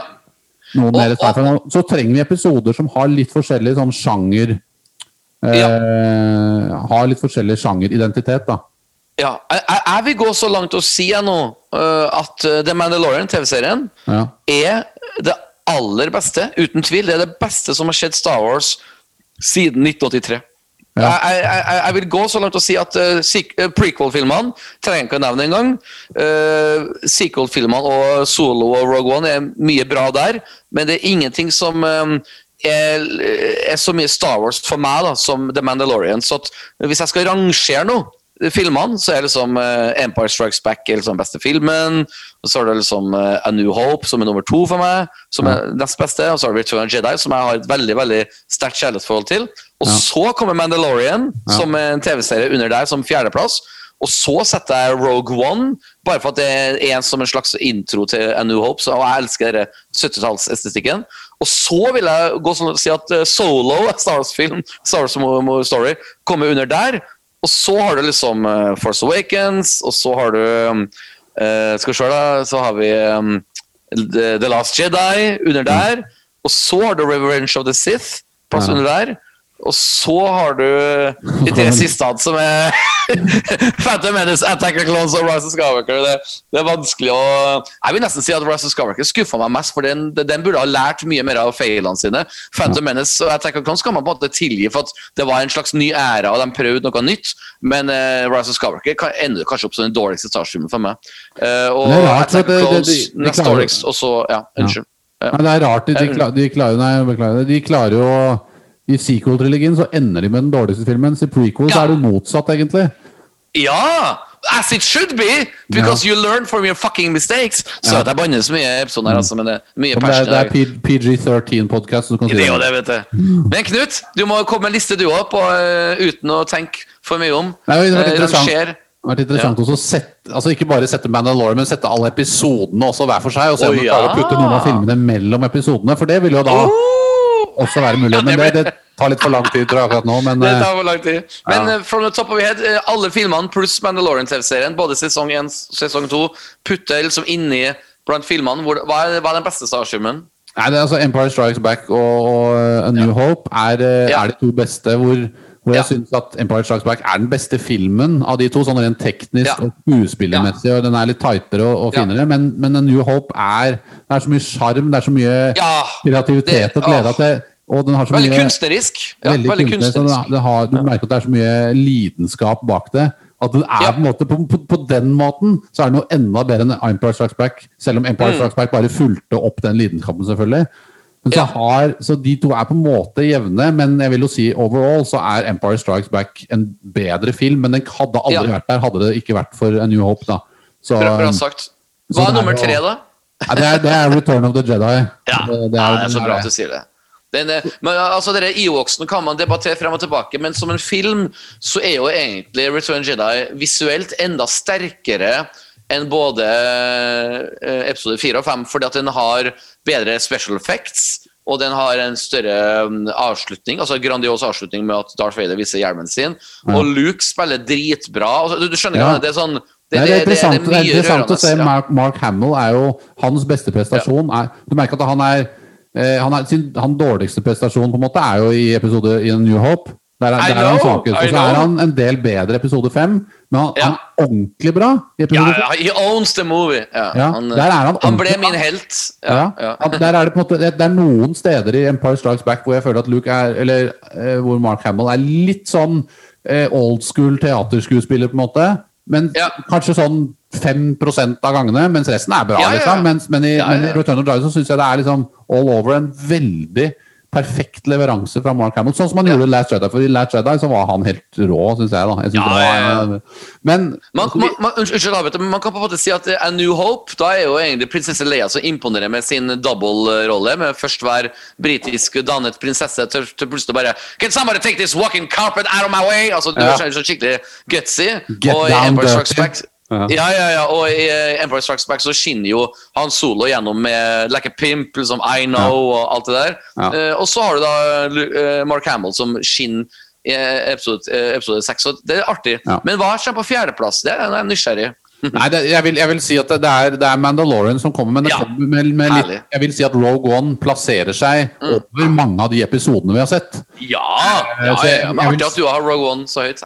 Herlig. Jeg vil si at det er en to, tre, fire, fem Mandalorian-episoder som kanskje er over Ja. Rogue One. Eh, Ja. men, eller kanskje ikke så mange. Kanskje to-tre stykker. Ja. Og så kommer Rogue Men jeg, jeg liker ja. Den er så mørk og herlig, Rogue One. Jeg er imponert over at de klarte å beholde den balansen. hvis du skjønner hva Ja. Beholde den mørk og skummel. Og det var en stor kinoopplevelse å se. Ja. Den siste ti minuttene løfter jo filmen opp til stratosfæren. Og så etter det så har jeg Etter Rogue One så har jeg Da vil jeg si Force Awakens og Last okay. Jedi kommer etter der. ja, that's cool. Og så vil jeg si eh, Så kommer vel eh, Revenge of the Sith, tror jeg. Oh, ja, okay. Og så okay. Solo. Så solo, ja. ja. Og så kommer eh, Så kommer vi ned i gjørma her. Ja, ja, det er gjørma er brutal, Ja. Star Wars er Star Wars av meg, altså. Men jeg vil si Ja. at eh, ja, Rise of Skywalker og Attack of the Clones er ganske jevn, egentlig. Jeg, jeg, vil, jeg vil si at Rise of Skywalker er jo veldig mye bedre på skuespill og performance. Ja. Liksom. Der, er, der dreper han jo Attack of the Clones. Ja, og, og, det er sant. og, og, og effekter, selvfølgelig. Eh, Men det er jo Ja. bare en naturlig konsekvens av hvordan eh, ting har vi, seg. vi bare forventa mer av Skywalker. Når de, hadde, de burde ha lært av alle feilene his, i his, 40 år. men historiemessig og Star Wars-law-messig og liksom hvordan Attack of the Clones henger sammen med de andre filmene og lawen for øvrig, så er den bedre enn Rise of Skywalker. Det vil jeg faktisk påstå å si, selv om det er noe Ja. skrekkelig dialog i, i Attack of the Clones. Ja, Men det er så flat at det kunne vært en episode av liksom eh, Carl og Ja, det- liksom. Eh, Min, min, min, min, store, min storebror sa noe artig. uh, Unnskyld, fortsett. Hvis. Nils Fugt hadde kommet inn liksom, i Ja. den scenen der, så hadde jeg ikke, hadde jeg ikke tenkt at det var gærent. I den scenen med Min, min, Anakin min, og min storebror han har sånn herlig um, avslappa forhold til Star Wars. Du vet, han, han ser dem på DVD fem år etter de har kommet. ut og sånne ting Jeg husker eh, når han så Attack of Clones, så ringte han. Ja, hva syns du? Han bare Det føltes som at han så på en sånn en Star Trek-episode. ja, ja, ja. Jeg synes det var egentlig ganske bra beskrevet. For det, liksom, det går veldig sakte, og man står i ro og prater, og man henger ikke helt med på hva dialogen eh, uh, handler om. Så, så det var, jeg syns det var en kort og enkel jeg, vil- jeg vil si, jeg, jeg tror jeg skal faktisk sette Attack of the Clones foreløpig nå over, og så har jeg Rise of the Skywalker nest nederst, og så Phantom Menace. Ja. Phantom Menace vil jeg for alltid ha, og det er veldig mye pga. Jar Jar Ja. Binks som, som forkludrer Ja. og for, den forurenser filmen såpass mye at det er Ja, den gjør. Ja, den gjør virkelig det. Den gjør det, virkelig det. at, og all ære til uh, Riz Ahmed som Nei, ikke Riz Oi, Ahmed. Ahmed Best heter han vel? Ahmed? Ahmed Best, ja. Ahmed Best. Ja. Som spilte karakteren, og den innsatsen de la inn. All ære. Han har hatt masse å si. Til og med Gollum kan takke Jar Jar Binks, liksom. Hadde ikke oh, gått- ja, ja, ja, er. Vi må ikke glemme det, men dessverre så er det mye av karakteren gjør med karakteren som er bare er for dumt. Så det er veldig synd, men, eh, men Det var eh, artig, var artig å lage en sånn en eh, topp ti, skulle jeg si. Uh, Men jeg vil, jeg vil legge til det at det, på en måte fra solo og opp Det er, Det er et lite sprang fra Attack of the Clones og opp til solo. Ja, det er lov til å si. Fra solo opp så er vi på For solo syns ikke jeg er jeg, ikke, altså jeg vil- ikke si at noen Star Wars-filmer er direkte dårlige. Jeg syns ikke Phantom Menace er en dårlig film. Jeg syns det er en medioker film. på en måte da. Eh, Ja, Og ja. det samme med Attack of the Clones og, og, og Rise of Skywalker. Men for oss som er forventer det Ja. beste av Star Wars, så blir det skuffende, liksom. Eh, Altså, altså det, det, det, det, solo, ja. opp så er det en kvalitetsforskjell, og der vil jeg si at der- der er det liksom bra, og så oppover. Ja, altså nå, nå skrev jeg litt ut her, og vi skal snart avslutte, altså, så våre podkastlyttere orker å høre gjennom alt. Men det er noe med at The Rise of Skywalker, og dette skal vi snakke om når vi snakker om Rise of Skywalker, uh, og dette er et tema jeg kommer å ta opp da, med når vi har gjest og greier, men det er at, at vi som seere skal virkelig tro på at etter keiseren gjør alt det tullet han gjør i Return of Jedi, så får han seg en kone, ordner barn, som igjen får barn, som er Ray. Give me a break! Altså, det, det, det, det, det, hvem som fant på det, liksom? For, vet du hva det er for noe? Er en, jeg tror det var en slags sånn swingers foursome med Yoda, Yaddle, Emperor Palpatine og uh, men men altså, det, det er bare så artig når eh, tilbake i 2015 når Ray dukka opp i Force Awakens. Å, er jeg dattera til Obi-Wan? Er jeg dattera til Luke? Er jeg dattera til Han Solo? Er jeg datter, er kanskje dattera til bla, bla, bla? Kanskje keiseren? Ingen som tenkte Kanskje hun er barnet til Kanskje hun barnebarnet til keiseren? Og det var ingen som tenkte det! Det var så dårlig. jeg ble så skuffa. Ja, nei, det var veldig trist. Hun visste jo ikke om hun var Obi-Wans datter, eller om hun var Palpatines barnebarn, eller Ja. nevø, eller Boba Fetts eh, Ja, det, det var lite gjennomtenkt. Altså. Det var, men, men som sagt, det skal vi snakke om senere. Men det, jeg føler i alle fall at sånne typer feil gjør de ikke lenger da med The Mandalorian. Takk Gud. Og, men siste spørsmål før vi avslutter. Jeg har jo snakka om mange av mine predictions for eh, de neste to eh, episodene, altså chapter 15 og chapter 16. Ja. eh, eh, har du noen predictions som jeg ikke har um, nevnt? Altså, er det liksom Avengers Assemble i to episoder nå? Er det du ser for deg, liksom? Jeg, jeg, jeg, jeg henger meg på alt det du har sagt om, Mm. om Avengers Ensemble, og hva du sier om at han tar av hjelmen. Det tror jeg Ja. Han kommer til å komme en scene uten hjelm. Det tror jeg Om Ja. ikke det skjer i denne sesongen, så kommer det til å skje en eller annen gang i løpet av neste sesongen. Det er jeg helt sikker på. Ja, det, det skjer nå. Det Men for å ta de eh, to episodene som kommer nå, da, som blir på en måte finaleepisoden Jeg tipper at det blir liksom i sesong én at du får en sammenhengende film nærmest i episode syv og åtte.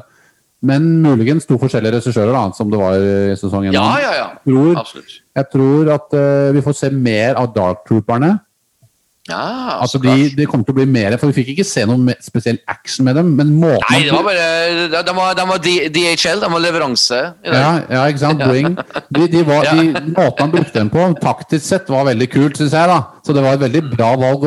Hvis dette her var bare en tease av hva Dark Trooperne kommer til å gjøre etter hvert, så var det en veldig fornuftig måte å liksom tease dem litt på, på en måte nå, og så ser vi dem mer i Så jeg tror vi kommer til å se mer action med dem. og det er ganske, Hvis det blir en final standoff-mann, så er det helt opplagt at vi kommer til å få se mer av dem.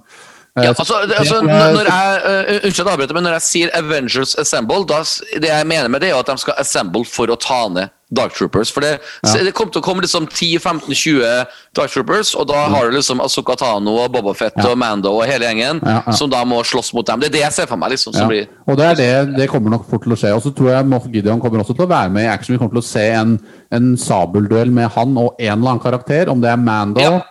Eller om det er eh, Og det kan jo hende at Admiral Thrawn dukker opp også. Da kan vi få, en duell mellom han og Asuka Tano. Vi kan ha parallelle dueller, da. Litt som i, Ja. som i eh, Infinity War, eksempel, hvor du har duell med Thanos på Yes. Titan, mens du har eh, kampen på på, i Wakanda der. Ikke sant? Du har en, Ja. du har en intim fight på den ene siden, og så har du en stor Ja. episk krig på den andre siden. Du har to parallelle Ja. noer. Det er veldig tøft. Eh, og så tror jeg vi også kommer til å få vite mer reveals om Gideon. Og Lauren og historien bak hans prosjekt og hva slags forgrening av imperiet han er en del av, og hans eventuelt samarbeid med om det er Grand Man Ja. Admiral Thrawn eller så Ja. det tror jeg også vi kommer til å få mer av. Og selvfølgelig mye Ja. mer screentime med Moff Gideon. Ja. Og lengre episoder. Lengre episoder. Og det må jeg også si da, at eh, episoden her var jo blant de aller korteste. Ja. Eh, Ca. 30 minutter, hvis du tar bort liksom intro og outro og sånne ting. Og det plaga meg ikke i det hele tatt, for det var så action-packed. Ja. Og det var jeg glad for. Ja, det, det, det, var, det var et naturlig valg. Jeg føler ikke at det er så veldig mye mer man burde ha lagt til for å Nei. gjøre det lenger, fordi at det er såpass intenst, og det er, det er en action-episode. Så det er, du, Da trenger det ikke å være så veldig langt, men de klarer å putte inn de viktige krydderet i form av dialog og wow-øyeblikk som gjør at som bare eh, hva skal jeg si, forsterker den actionen på en positiv måte. da. Ja. Jeg synes at det fungerer, fungerte egentlig helt strålende. Ja. Eh, så det plaga meg ikke i det hele tatt at den var kort, egentlig. Jeg synes det var Mm. kledde episoden eh, ganske bra. Også i form av det at det var bare på én lokasjon de var på. ja, ja, ja, ja, ja. Og det var filma utendørs, garantert. Så det, var, Ja, det, det- var sånn, sånn, det ble frisk pust, på en måte. Og, så, Så at, eh, altså, og du må jo også gi cred til Robert Rodriguez. Det var også en kul scene hvor hun Fennik kaster seg tilbake.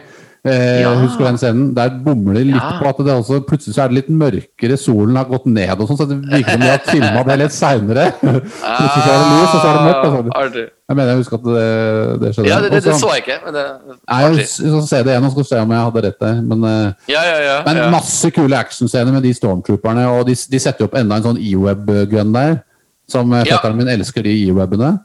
Eh, og ehm, Veldig kul måte. Og så Vi har glemt å si én ting, da. Og det var jo når Mm. Boba Fett finner rustningen sin igjen. ja. Det har vi glemt å nevne, for det? Du får en liten scene hvor han kikker inn i Razor Cresten. Ja. Og, så Ja. gle, og så glemmer du Boba Fett litt, for da fokuserer du på noe annet i meldinga.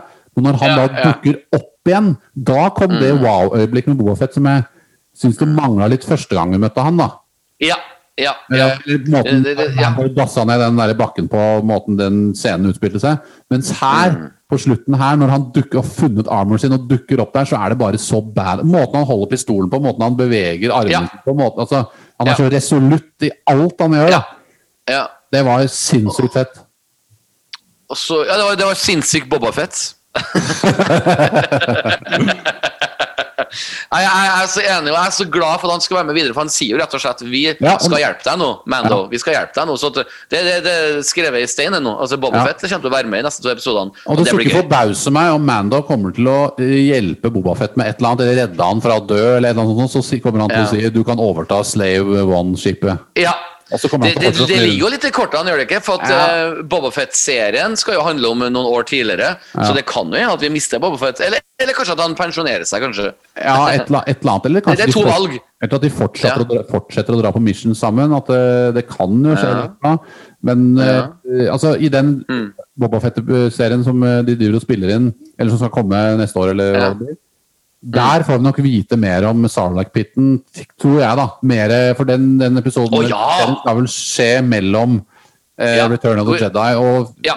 forklare hva som har skjedd de siste fem årene. Sikkert da med Boba We have so many questions about that Sarlacc pit. How was it? How, how did it smell? Was it moist? Altså, we need those answers. Du har helt rett. Ja, ikke sant? Vi trenger det. Det- vi, vi krever svar på Sar... Vi, vi krever Sarlacc-svar, rett og slett. Ja, Ellers så må vi gå til sånn Star Wars-psykolog, liksom. Og vi, Ja, ja, ja. og grubler og grubler og grubler, og grubler, og så kommer vi inn. Ja, ja, ja. Nei, men vet du hva? Eh, Det ble en veldig fin podkast her av at det var en veldig fin episode. Eh, Min eh, Altså, jeg har vel de to seksere så langt. Eh, Første episode i sesong to, og episoden her, da. I Ja. sesong to var mine høydepunkt. Ja. Eh, For jeg var jo ikke blown away helt av Asoka Tana-episoden, men det var av andre grunner enn Ja. hva folk flest tror. Men jeg, at eh, jeg likte den dynamikken mellom den episoden som var nå, eh, og, og Asoka Tana-episoden. Altså episode Altså chapter 13 og 14. Fordi at de er veldig forskjellige. Eh. Og det syns jeg var veldig tøft. Og det. Det, det, blir- det blir annen type ja. planeter og natur og farger og vibe. Du har helt rett, altså. Det Og var det, det, det også er en stor forbedring fra sesong én, er at de er hele tiden på, de er på mye forskjellige steder, ikke sant? istedenfor Ja. å bare være på Navarro der. Så Ja, ja gud. Uff. Leo Navarro. det kler Star Wars-universet veldig. Så, eh, Navarro is so season one! ja, ja, ja. It is so 2019! Ja. Nei, det er artig, altså. Det, det, det er jo ingen tvil om at det blir flere sesonger med Mandalorian. Også, for det her er jo eh, en stor suksess for Disney Pluss. Og som du vet, eh, HBO Max skal jo nå begynne å vise kinofilmer eh, på eh, HBO Max når de eh, på samme datoen som de kommer på kino. Og vi må ikke se bort fra at Disney Pluss kommer til å gjøre mye lignende også i framtida med å vise oss eh, store ting, sånn som eh, kanskje Black Widow, som skal på kino. Kanskje den kommer på Disney Pluss samtidig. og sånne ting. ja, det kommer den nok til å gjøre. Vi, vi fortjener litt sånn eh, bonuser nå i disse pandemitider. Ja. Ja, vi gjør det. Vi har sittet, vi, Ja. vi alle bortskjemte barn som sitter rundt i, på gutterommene og mancavene våre. Vi trenger å Mando-caver. Ja. Ja. Mandalorian caver. Ja. Vi, vi trenger vi trenger å Vi har vært så sultefòra på sånn store Ja. blockbusters og, Ja. og sånne type episke filmer da nå. At eh, Dune og alle disse store tingene. Åh, ja. Så det blir tøft. eh, det blir jo stort når alt dette her kommer tilbake. Da får vi virkelig Ja, vekke til live den eh, og få stimulert den interessen. altså. Det var så rart for noen år tilbake når vi fant ut at i 2020 da kommer det ingen Star Wars-film. Så det blir liksom første gang på fem år eh, fem år på rad hvor det ikke kommer Star Wars-film. Men jaggu meg så har vi fått to sesonger av The Mandalorian isteden. Så det, det, med, det er Lucasfilm er tilgitt, Ja, for å si det sånn. They are Ja. on the right track. Ja. Så om det ikke kommer film før om tre år, så kan jeg være ok med det. Hvis jeg bare fortsetter med litt sånne serier som det her. Vi altså, kan så jo, vi kan jo risikere å få både Mandalorian sesong 3 og Obi-Wan Kenobi veldig tett opptil hverandre. Og Boba Fett-serien. Ja. Ja, men de kommer sikkert til å spre det ut, vet du. det er klart. sånn, de, får, plass til sånne Marvel-TV-serier imellom dem, vet du. Ja, Og- men det kommer til å ikke bli like lang tid som mellom Det kommer ikke til å bli ett år Mandalorian, ett år Mandalorian ett år. Det kommer til å bli Nei. Det kommer til å bli tettere på. ja, det kan bli to, eh, to Star Wars-TV-serier i året, tipper jeg. Ja. Eh, Så du, du har helt rett. Men det kan bli mer òg. Jeg håper det. Jeg tror det, Jeg for det, det. Mandalorian sesong 3 kommer neste år. Ja. Eh, og Obi-Wan vil jo komme Ja, i hvert fall tidlig 2022, da, vil jeg tro. Ja. Men hvis Så, det blir at det blir, to, at det blir kun to Star Wars-TV-serier i året framover, så er jeg mer enn nok fornøyd med det. altså. Tre det er bare bonus. Ja. Gigabonus, ja. Ja.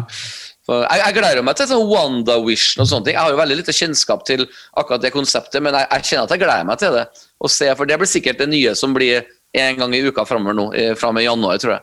Ja. 23. januar. Den ble litt da- utsatt, den premieren på den, eh, den WandaVision, tror jeg. Så den, den skulle vel Ja. egentlig komme før jul, tror jeg. Men eh, Ja, jeg tror det også. Men de, de, de, de har sikkert en grand plan. Og så håper jeg at Black Widow kommer rett på Disney Plus, for den er jo spilt inn i Norge, deler av den. Så det blir jo ja, den er det. Nei, det, det tror jeg den gjør. Jeg, tror, jeg er ganske sikker på at den kommer til å Fordi de, de kan Ja. ikke vente for lenge. For det, det blir så, de har jo andre Korrekt. ting de skal gi ut også. ikke sant? Og det blir, Korrekt, da vil alt korrekt. hope seg opp, da, og da vil jo ting slå litt i hverandre i hjel. Så de må Ja, jeg, jeg ville ha gitt den Hadde det vært meg, så hadde jeg gitt den ut på Disney Pluss og kino samtidig. Ja, sånn som HBO Max sånn. HBO gjør, rett og slett. Ja, ja. Nei, det blir spennende. Framtida er er iallfall lysere enn den var i mars i år. Ja, ja, ja. Det det kan man trygt si. Så det blir artig, altså. Knut Løksen, jeg ønsker deg en riktig god uke videre. Like Og så, så er det faktisk bare fire dager igjen, da. Det skal se, da. Eh, tirsdag, onsdag, torsdag. Tre! Tre dager igjen til uh, chapter 15 Ja.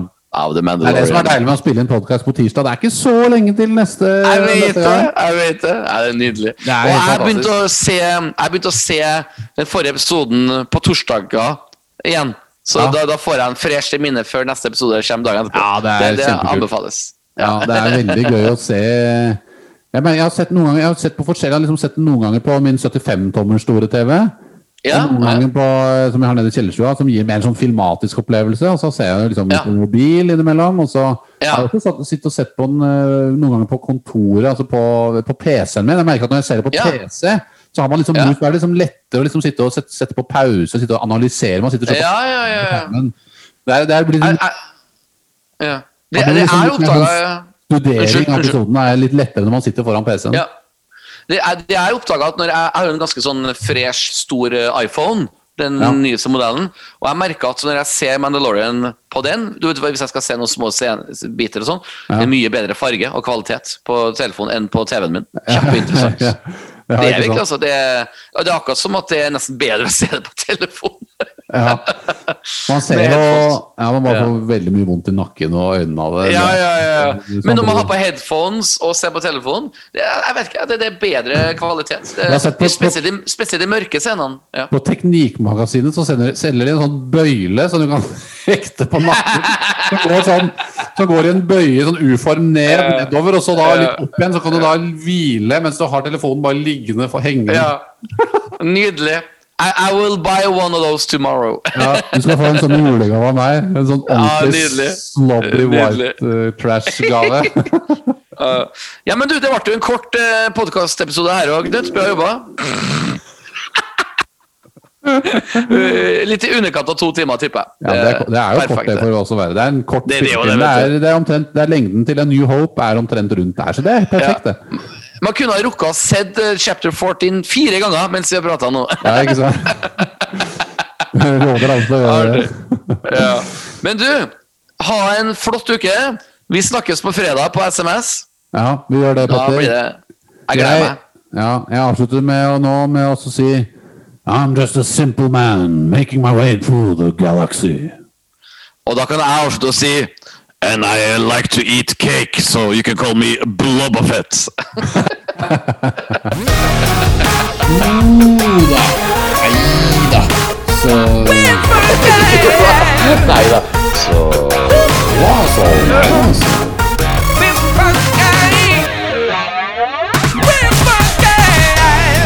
Jo da. Nei da. Så Oda. Neida. Så Jo uh, da. Nei